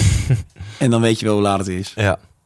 Ik vind het ook heel grappig dat ik eh, wel eens berichten krijg met... eh hey Domien, nou ik doe het normaal nooit, maar eh, mijn vriendin en ik zitten wijn te drinken en eh, ze hebben me uitgedaagd om je een bericht te sturen. Vind ik dan wel weer grappig. En dan is het makkelijker om dan iets terug te sturen. Dan zeg ik nou zeg maar tegen je vriendinnen en dat ik, het, dat ik gevleid ben, maar dat ik nu niet op Ja. het punt ben in mijn leven om... En- Ik heb, Maar misschien is het ook de intieme vraag hoor, maar in Man Man Man doe je volgens mij ook alles. Ja hoor, Eh, dus eh, heb je wel eens gehad dat een vrouw op eigen initiatief een naaktfoto stuurt? Van kijk Domien, hier zijn mijn borsten. Nou, ik zal het je sterker vertellen. ik heb... Puntje van eh, mijn stoel nu. Nee, eh, want dit gebeurt mij dus... Nou, ik kan wel zeggen nooit. Nooit out of the blue in ieder geval. Dus het, ik, er moet wel eerst wat contact zijn. Het is wel, natuurlijk, ik heb wel eens, wel eens een nude gekregen. Maar nooit in mijn Instagram DM, baf, hier is een naaktfoto. Ik heb deze week heb ik een jongen onmaskerd die zich voordeed als meisje. Oh, ja, die was ook mooi. Wauw. Ik eh, kreeg op Instagram van Lara of Clara of Lena of weet ik veel, kreeg ik een foto. Hey Domien, eh, ook zo eenzaam deze coronatijd met een foto. En ehm, ik vind dus dan die foto's die kun je dus niet zien voordat je de foto voordat ja. je dus dan Ja. dat vind ik ja ik vind dat Ja. ik word dan toch weet je ik ben dan toch een lul ik ben toch een man ik ben ook eenzaam ik wil weten wat voor foto dat is en dat was een foto van een naakt meisje zonder hoofd. Maar niet met de juiste afmetingen van een iPhone of een Android foto. Snap je dan wat ik bedoel? Dus als jij Mm, een foto stuurt. Als jij een foto maakt, ben je ook. als jij een foto stuurt Ja. in Instagram en die maak je met je iPhone, dan heeft het gewoon een bepaalde vorm. Ja. Dus een storyvorm. ja. En dit was niet de storyvorm. Dus ehm, ik eh, zei, eh, ik heb iets teruggestuurd van nou, niet zo eenzaam zoals jij. Ik hoop dat je oké bent. Fijne dag. Punt. Toen later, eh, dit was drie, vier weken geleden. Toen later kreeg ik van een ander account exact die foto. Dus het enige, dit, Ah. dit enige gesprek van vier weken geleden is Ja. daar gestopt ook. Ja, Dus dat ja, was dat. Vier weken later kreeg ik exact die foto. Toen dacht ik, ja, maar nu, nu ga ik even door. Nu ga ik even dus met dit meisje. Lara of Clara of Lena, dat is een ander, ander profiel was, ga ik in gesprek op Instagram.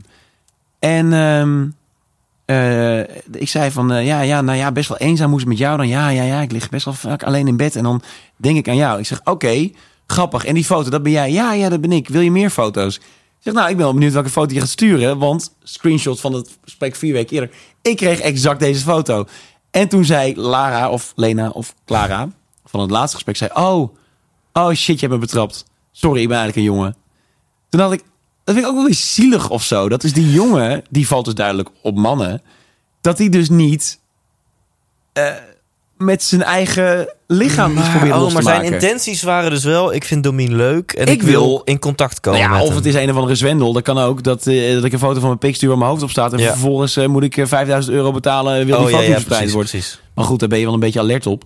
Ja. Domme dingen doe ik sowieso niet. Eh, maar het was voor het eerst dat ik, eh, dat ik dus iemand heb onmaskerd. Maar dat vond ik dus ook zielig. Want ik kon me dus voorstellen dat dat, dat, dat Daan is van 15 of van 28. Nou, maar ja, het siert je dan weer dat je meteen medelijden voelt voor zo'n persoon. Ja, en ik heb wel Ja. uitgelegd... hey joh, ik ben niet degene die jij zoekt. Nee. Want eh, ik, ik val niet op mannen en ik, eh, ik ben... Ik, nee, dit, eh, en toen heb ik gezegd, even een dikke tip. Als jij dingen wil losmaken bij mensen, ben gewoon eerlijk. Dat duurt toch het langst. Ja. Oh, Dus- wat mooi. Ja, Ja. prachtig. Maar dit is Ja, dus het ja, soort naaktfoto's. Want dat was de vraag. Dit is het soort naaktfoto's dat ik krijg. Ja. Gegoogelde naaktfoto's.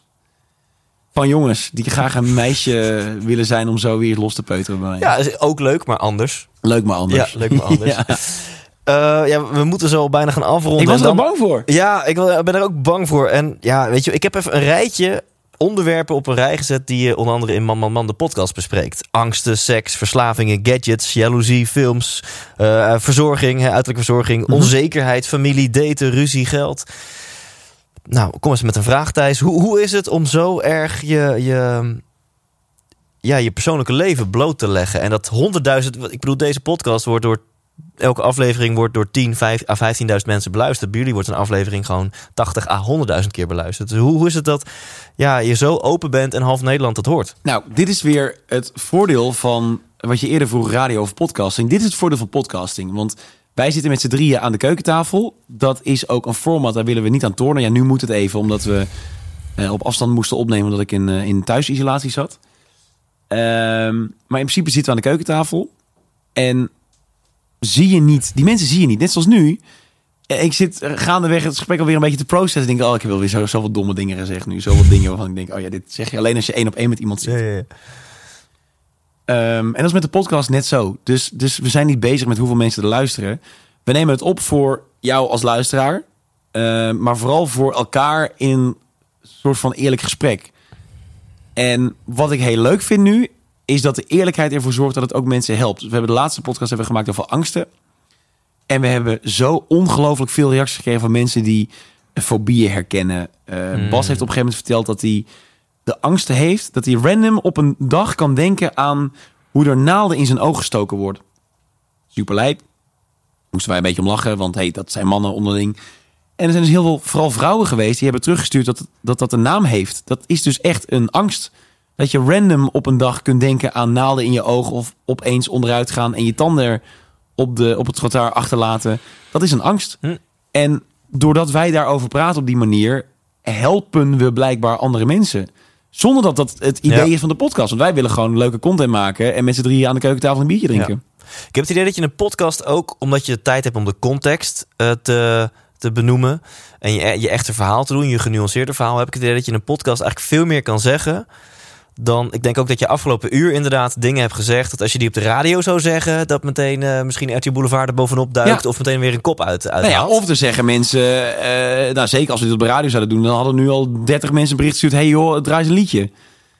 dus die druk heb je ook niet. Waardoor je dus inderdaad heel erg. Je kunt langer nadenken over je antwoorden. Je kunt een beetje afdwalen van de originele vraag. Je hebt veel meer tijd. En dat vind ik heel fijn aan podcasting. Ik zou dus niet zonder het live aspect kunnen. Maar ik vind het wel heel fijn dat er nu in, in de gehaaste maatschappij waarin we leven, waarbij we alles moeten meemaken, alles moeten delen, er nu zoveel ruimte komt waarbij mensen podcast willen luisteren en ook uh, nou, jou de tijd geven om een uur, anderhalf uur naar een aflevering te luisteren. Maar jij ervaart dus geen negatieve kanten van het feit dat je je, je hart en ziel blootlegt?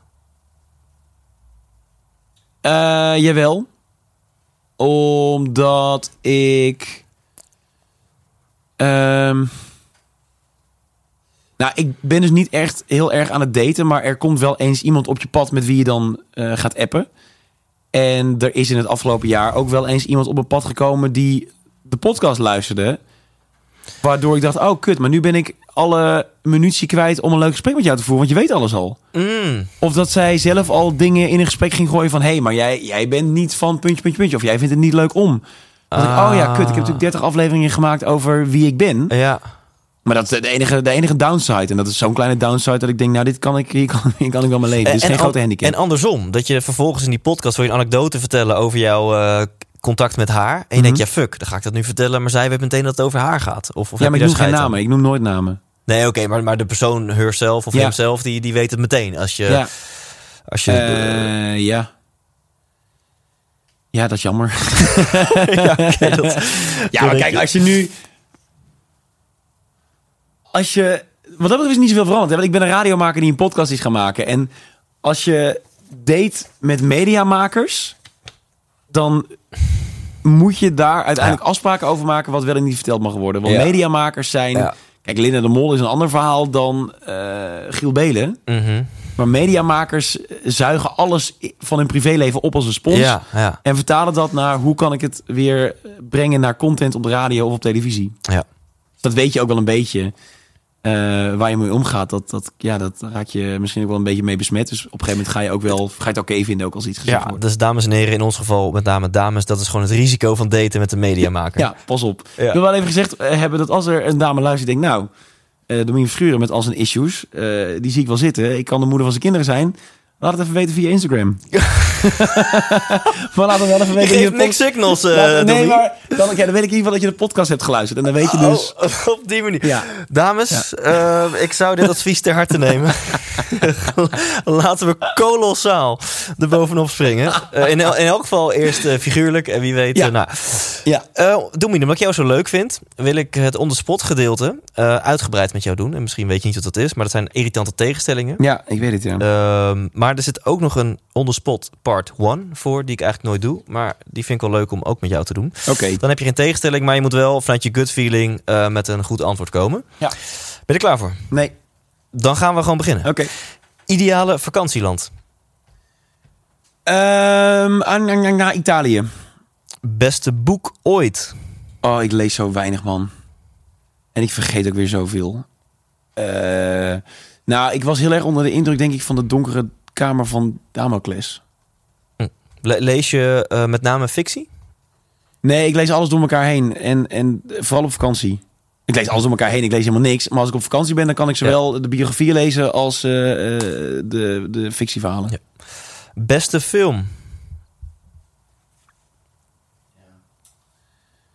ben dus ook niet zo'n film kijken, omdat ik een hele korte spanningsboog heb. Maar ik vind... Oh, Beautiful Mind. Maar de eerste keer A Beautiful Mind. Ik ken hem niet. Nee? Ik ken- nee, Beautiful man. Mind. Vertel, Ga dit weekend The Beautiful Mind kijken. Het, maar het klinkt als een romcom. Nee, Drama. nee. Nee, volgens mij is het ook een waar gebeurd verhaal. Eh. Ga A Beautiful Mind kijken. Met Oké. eh, The Gladiator, weet je ook alweer? Oh, ik ben hier zo Die doet het. slecht in. Hoe heet de Gladiator dan ook alweer? Ja, ik weet het ook niet. Nee. Iets met een R. Ik weet het, gewoon- ik weet het even niet meer. Ik wil, eh, ik wil een Roger Federer zeggen, maar dat is een ja, niet zijn. Bruce Willis. Nee. Ehm, Oké, ehm, ga ik checken. Wat ligt er op je nachtkastje? Eh, oordopjes, op maat gemaakte oordoppen. Voor s'nachts, want ik eh, hou niet van geluid. En eh, lenzenvloeistof. En een lenzendoosje, dat is het. Oké. Jouw guilty pleasure. Spice Girls. Wauw. Ja. ja, day and night, altijd. De, ja? Ja, en zeker met dit weer. Als zonnetje schijnt, lekker man. Kei je door de speakers? Ja, wel album 1. Dat is het beste album dat ze gemaakt hebben. Ja. How Spice, dat is ja, top. Wauw. Ja. Wauw. En heb, heb je dat ook in een van die 3FM-clipjes? Heb je dat vast een Ja, keer... je ja, ja, we deden eh, volgens mij CLB There. Ah ja, van het eer- eerste album. En ik was, eh, ik was Posh Spice. Ja, weergeloze rol. Gaaf. Is nu niet meer terug te vinden op YouTube. gelukkig. Sowieso doe jij het heel goed eh, met vrouwenkleren aan een lippenstift op. Dat, Ja. dat, dat is gewoon een combinatie die Ja, werkt. bij 3FM ben ik zo vaak een vrouw geweest. Ik vond mijn allerbeste rol Celine Dion in My Heart Will Go Oh, On ja. op de Titanic. Ja, ja. Dat vond ik mijn allerbeste. Die vond ik zo leuk om te doen. ja. Omdat, ja, trek een jurk aan en je wordt een vrouw. Het doet iets met me. Het doet niet vaak, maar nee, ja, als ik... Je wordt er bijna emotioneel van. Nou ja, ik, kijk, Ja. op een gegeven moment heb ik met 3FM besloten dat ehm daar, ze vroegen daar best wel veel van je, omdat ehm, die clips die werden, die werden, kijk, weet je, als man ben je natuurlijk niet gewend om een vrouw te zijn. Als je als man in een, in een mannenlichaam zit en je voelt je daarin comfortabel, dan is een jurk aantrekken is oncomfortabel. Ja. En zeker de eerste keer vond ik dat oncomfortabel, maar ik heb gewoon geleerd, en dat is ook een dikke tip voor iedereen die wordt gevraagd om aan, er staan lipdubs nog bijvoorbeeld. Stel je wordt met je kantoor gevraagd om een leuk clipje op te nemen voor een collega die weggaat en je moet een pruik op en je wil het eigenlijk niet. Zet je daar even overheen over die trots, want dan wordt het een leuke video. Als je alles geeft Ja. en, en je gaat in je ongemak staan en je gaat daar overheen over Ja. het ongemak, dan wordt het leuk. Dus ik heb eh, de, de jurken heb ik met trots gedragen. Nou, maar ik, ik snap ineens die Lara of Clara of Lena, snap ik wel. Ja, is het zo? Ja. Dat is natuurlijk, die heeft natuurlijk die filmpjes Die gezien. dacht, die dacht, ja, misschien, is hij, misschien kan hij het ook wel op mannen. Nee. Ja, ja, en even voor de luisteraars die denken, waar hebben ze het over? Dat waren promotiefilmpjes als je als 3FM een 90s of een. Zero's eh, ja. Ja. week Ja. had. Nou ja, Guilty Pleasure Spice Girls dus. Eh, favoriete auto? Eh, waar, ik in, waar ik nu in rijd, de Volvo XC60. Want? Opgegroeid met Volvo. Mijn vader reed altijd Volvo. Eh, op een gegeven moment heb ik een V40 gekocht. Een leuk snel modelletje. En eh, opgeschaald naar een eh, SUV-achtige auto die ik nu rijd. Ah, waanzinnige auto. Ja, maar, maar verder heb je niks te compenseren. Ik heb niks te compenseren. nee, ik denk het niet. Ik hoop het niet. Nee.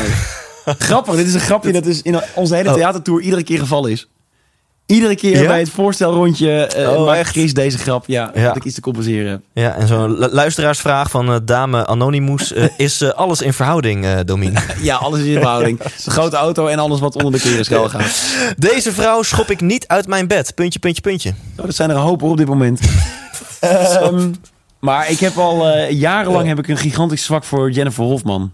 Ah, En dat weet ze ook. dat weet ze ook, ja. En is ze beschikbaar? Nee, volgens mij Ach, niet. Volgens mij is zij eh, verliefd, getrouwd, verloofd. Ja, Jennifer Hofman die vind ik heel, heel erg leuk. Dat is eh in Maar ook Georgina van Baan ben ik ook gek op. Och, Ja. Georgina van Baan. ik droom helemaal weg hier. Nee, ja, dat, ik zie het. En, en, en betekent dat, ik, ik zie natuurlijk een overeenkomst. Eh, zoek jij jouw vrouw in de showbiz? Is dat wel eh, een soort van... Oh eh, nee, maar ik vind, eh, ik vind mensen die niet in de showbiz werken dan noemen, dat, die hebben er niet om gevraagd. Dus ik kan nu wel eh, zeggen, mijn buurmeisje. Ja, Maar mijn buurmeisje heeft niet om gevraagd om in een podcast genoemd te worden. nee, oké. Maar ik zou mijn buurmeisje wel, mijn ja. bed uitschoppen, want dat zou ik raar vinden voor de buurjongen. Ja, s- snap ik. Is een beetje gek. Maar goed. Het echte onderspot gedeelte. Ochtend of nacht? Eh, nacht. Bestuurder of passagier? Oeh.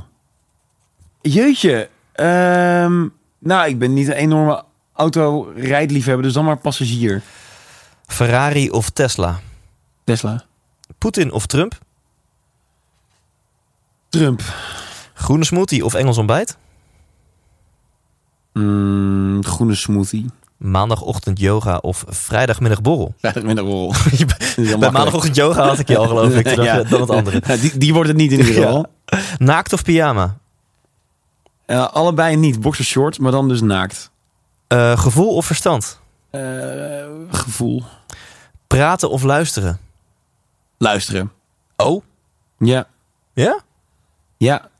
Ja, maar kijk, het is een combinatie. Want dat probeer ik dus ook in mijn radioprogramma's te doen. Of in de podcast. Te luisteren en dan te praten. Ja. Maar ik vind luisteren het leukst. Mooi. Jong en onbezonnen of oud en wijs? Oud en wijs. Hutje op de hei of herenhuis aan de gracht? Heerhuis in de gracht. Justin Timberlake of Justin Bieber? Justin Timberlake. Klassieke muziek of death metal? Eh, Klassieke muziek. Nooit meer seks of nooit meer muziek? Ah, god. Nooit meer seks. Wauw. Ja. Want is het dan toch dat... Mag ook niet meer knuffelen dan? Ja, ja Nou, dan knuffelen, nooit meer is, seks. knuffelen is geen seks, toch? Nee, dan nooit meer seks. Ja, maar is het dan toch ook omdat muziek eh, onderdeel van je beroep is? Zeg maar, is, is dat... En nee, eh, muziek is de aanstichter van het beroep, denk ik. Eh, bij mij is alles met muziek begonnen. Ik, ik, ik eh, verslind muziek nog dagelijks. Als ik hier naartoe rijd bijvoorbeeld, dan... eh, nu schijnt de zon en, en ik vind nu niks lekkerder dan mijn eigen favoriete lijst. Daar staan 900 of 800 liedjes in. Zo. Op shuffle te zetten en, en eh, hierheen te rijden... en een half uur lang met allemaal vergeten pareltjes mee te zingen. En het grappige is, die lijst die staat vol met en lenteliedjes en zomerliedjes... maar ook met wintermuziek. En net shuffelde bijvoorbeeld Tori Amos met Winter... wat ik een van de allermooiste liedjes ooit gemaakt eh, vond, shuffelde voorbij. En die skip ik nu meteen. Maar in de winter is dat echt een liedje wat ik opzoek en opzuig... en wat ik helemaal omarm en waar ik in kan wegzakken.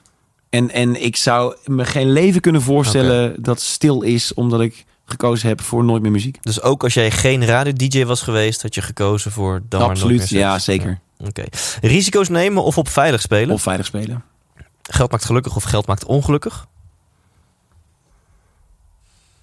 Eh, nee, geld maakt wel gelukkig.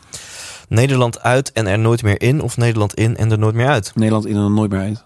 Eén dag koning of één dag kind?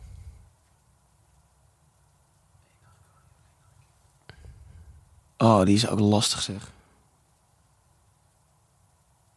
Eén dag... Koning? Eén dag koning. Wat, wat, neem ons mee in je twijfel. Ja, omdat dit ook weer eigenlijk teruggrijpt naar dat oud en wijs idee. Dus ik vind het wel lekker om, om ouder te worden. Ik heb er geen moeite mee om dertiger te zijn. Dus verlang ik dan zo erg terug naar het zijn van kind... dat ik het wil voor laten gaan op het ervaren van het zijn van koning. Nee, één dag koning. Ik zou wel echt... Maar dan wil ik één dag koning zijn en dus een volle agenda hebben. En niet Koningsdag, niet Bevrijdingsdag, niet uh, doodherdenking. Gewoon een normale... Ja. Nou, wat is het vandaag? Woensdag. Van A tot en met Z. Wil ik, wil ik Wakker meemaken worden hoe naast het- Maxima. En, eh, Ja hoor, wakker worden als Maxima. eh, dat vind ik niet eens het belangrijkste. Maar ik zou zo graag die bubbel een keer willen meemaken. Ja. Dat heb ik met heel veel beroepen hoor. ja. Ik zou bijvoorbeeld ook heel graag een, een dag willen ruilen met Martin Garrix. Eh, en niet dus voor de privéjets. Ja, ook wel voor de privéjets. Maar ik wil, ik wil weten hoe het is. Ik, ik voel een format aankomen. Ja, een dag als, ja. Ja. Maar, Maar dan begin je misschien als tramchauffeur. En dan misschien dat je over een paar seizoenen dan Martin Garrix een keer... ja, eh, en het moeilijke daaraan is dat het ook altijd... Er zal altijd een soort van media-entertainment laagje omheen zitten. ja. Ik wil die persoon zijn. Ik wil, ik wil kunnen klagen Ja. als Martin Garrix. Ja. Ik wil kunnen juichen als Martin Garrix. Ik wil eenzaam kunnen zijn als. Martin Garrix. En ik noem nu Martin Garrix, maar ik kan ook... eh, nou ja, maximaal Willem-Alexander noemen. Ehm, eh, maar bijvoorbeeld ook Chantal Jansen. Ik kan me niet voorstellen... Gordon. Ik zou echt graag een dag Gordon willen zijn.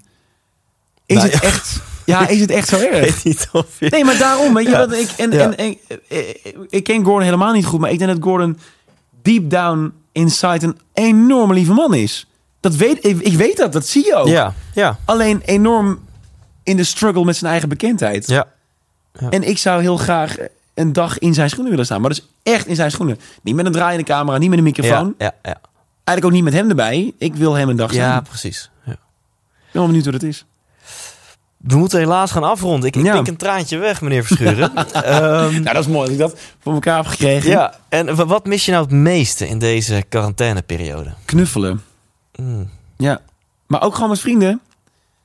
Nou, en ik zat net halverwege dit gesprek te denken... ik dacht, ik vind het een leuk gesprek, vind je een leuke gast. En ik kan zo meteen niet met jou zo'n high five geven. Echt zo'n...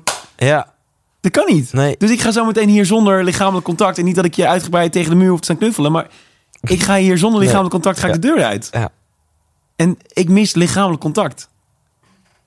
Snap Raar, ik. Ja, nee, want het is, als je je aan de regels hebt gehouden... dan heb jij nu al 3,5 week geen ander mens aangeraakt. Hoe raar is vier dat? weken heb ik geen ander mens aangeraakt. Ja. Wauw. Gek, hè? En het lijkt er ook niet op alsof het snel gaat gebeuren. Tenzij er dus iemand nu in mijn DM's ziet... die zegt, weet je wat, we worden corona-buddies... en we worden voor zo lang en gelukkig eh, als we kunnen denken... eh, ga- gaan we samen zijn. Nee, je kunt niet daten nu, je kunt Nee. helemaal niks. Nee, ik, ik ken wel- iemand die heeft gewoon eh, die heeft een soort van oude scharrel uit, de uit de kast getrokken, stof Oh ja, echt? afgeblazen. Die hebben elkaar diep in de ogen aangekeken en gezegd: zullen we gewoon twee keer per dag seks hebben, bij elkaar intrekken en, eh, maar dan, elkaar, dan is het oké, toch? en elkaar geen mietje noemen. En Ja. als het voorbij is, gaan we weer uit elkaar. Dan is het oké. Ja, hoor ik veel ook dat vrienden dus nu zeggen... weet je wat, we gaan even samenwonen. Om, om de eenzaamheid tegen te gaan. Ja. Dat snap ik wel. Ja. Je, Bizar. zoekt- je zoekt toch een coronabuddy op. Hey, heb je dan tot slot nog een, een, een wijze boodschap, een levenswijsheid eh, van Domien aan de luisteraar? Ah, je verzandt altijd in van die enorme clichés. Maar ehm, als, we, als we de cirkel rond mogen maken, dan wil ik heel graag beginnen of eindigen waar we mee begonnen zijn. Dus of ik heel veel geluk heb gehad, of dat het talent is geweest, waardoor ik nu nou, bij jou in de podcast mag zitten en al die toffe dingen mag doen die ik nu mag doen. Ik denk vooral dat het een kwestie is geweest van doorzettingsvermogen. En dan wil ik als laatste stichtelijke woorden meegeven dat je als je wel die nummer één passie hebt, of je denkt dat je een nummer één passie kunt ontwikkelen, ga daar dan voor. En laat daar dingen voor wijken. En zeg soms nee tegen eh, een, een avond stappen, omdat je, weet ik veel, de volgende ochtend om zes uur 's ochtends van jezelf moet gaan hardlopen, omdat je de marathon over drie maanden wilt gaan rennen. Eh, zeg af en toe nee tegen leuke dingen die je uiteindelijk wel sterker maken in het doel dat je wilt bereiken. Dus dat zou ik dan wil, gra- graag willen Ja, meegeven. Eh, volg, volg datgene wat je het liefste doet. Thanks man, Alsjeblieft. thanks. Nee, Air 5. 100% Yes, bedankt voor het luisteren naar deze episode. Domien, jij onwijs bedankt. We gaan elkaar nog vaker zien, want het was ontzettend tof om jou te ontmoeten. Ehm, en ja, als luisteraar, check ikwilpremium.nl als je nieuwsgierig bent naar die masterclass in radio maken van Domien. En je vindt daar ook een hele, hele hoop andere masterclasses om nog maar te zwijgen over de community, over eh, de extra content eh, als het gaat om ondernemerschap, als het gaat om het vinden van je passie, als het gaat om het realiseren van je droom. Het is één grote bom aan eh, een schat aan persoonlijke ontwikkeling staat voor je klaar op ikwilpremium.nl. Dus ik hoop dat je niet alleen luisteraar blijft, bent van deze podcast, maar ook premium member, premium lid wordt van deze bijzondere community. Check dat op equalpremium.nl. Tot volgende week en leef intens.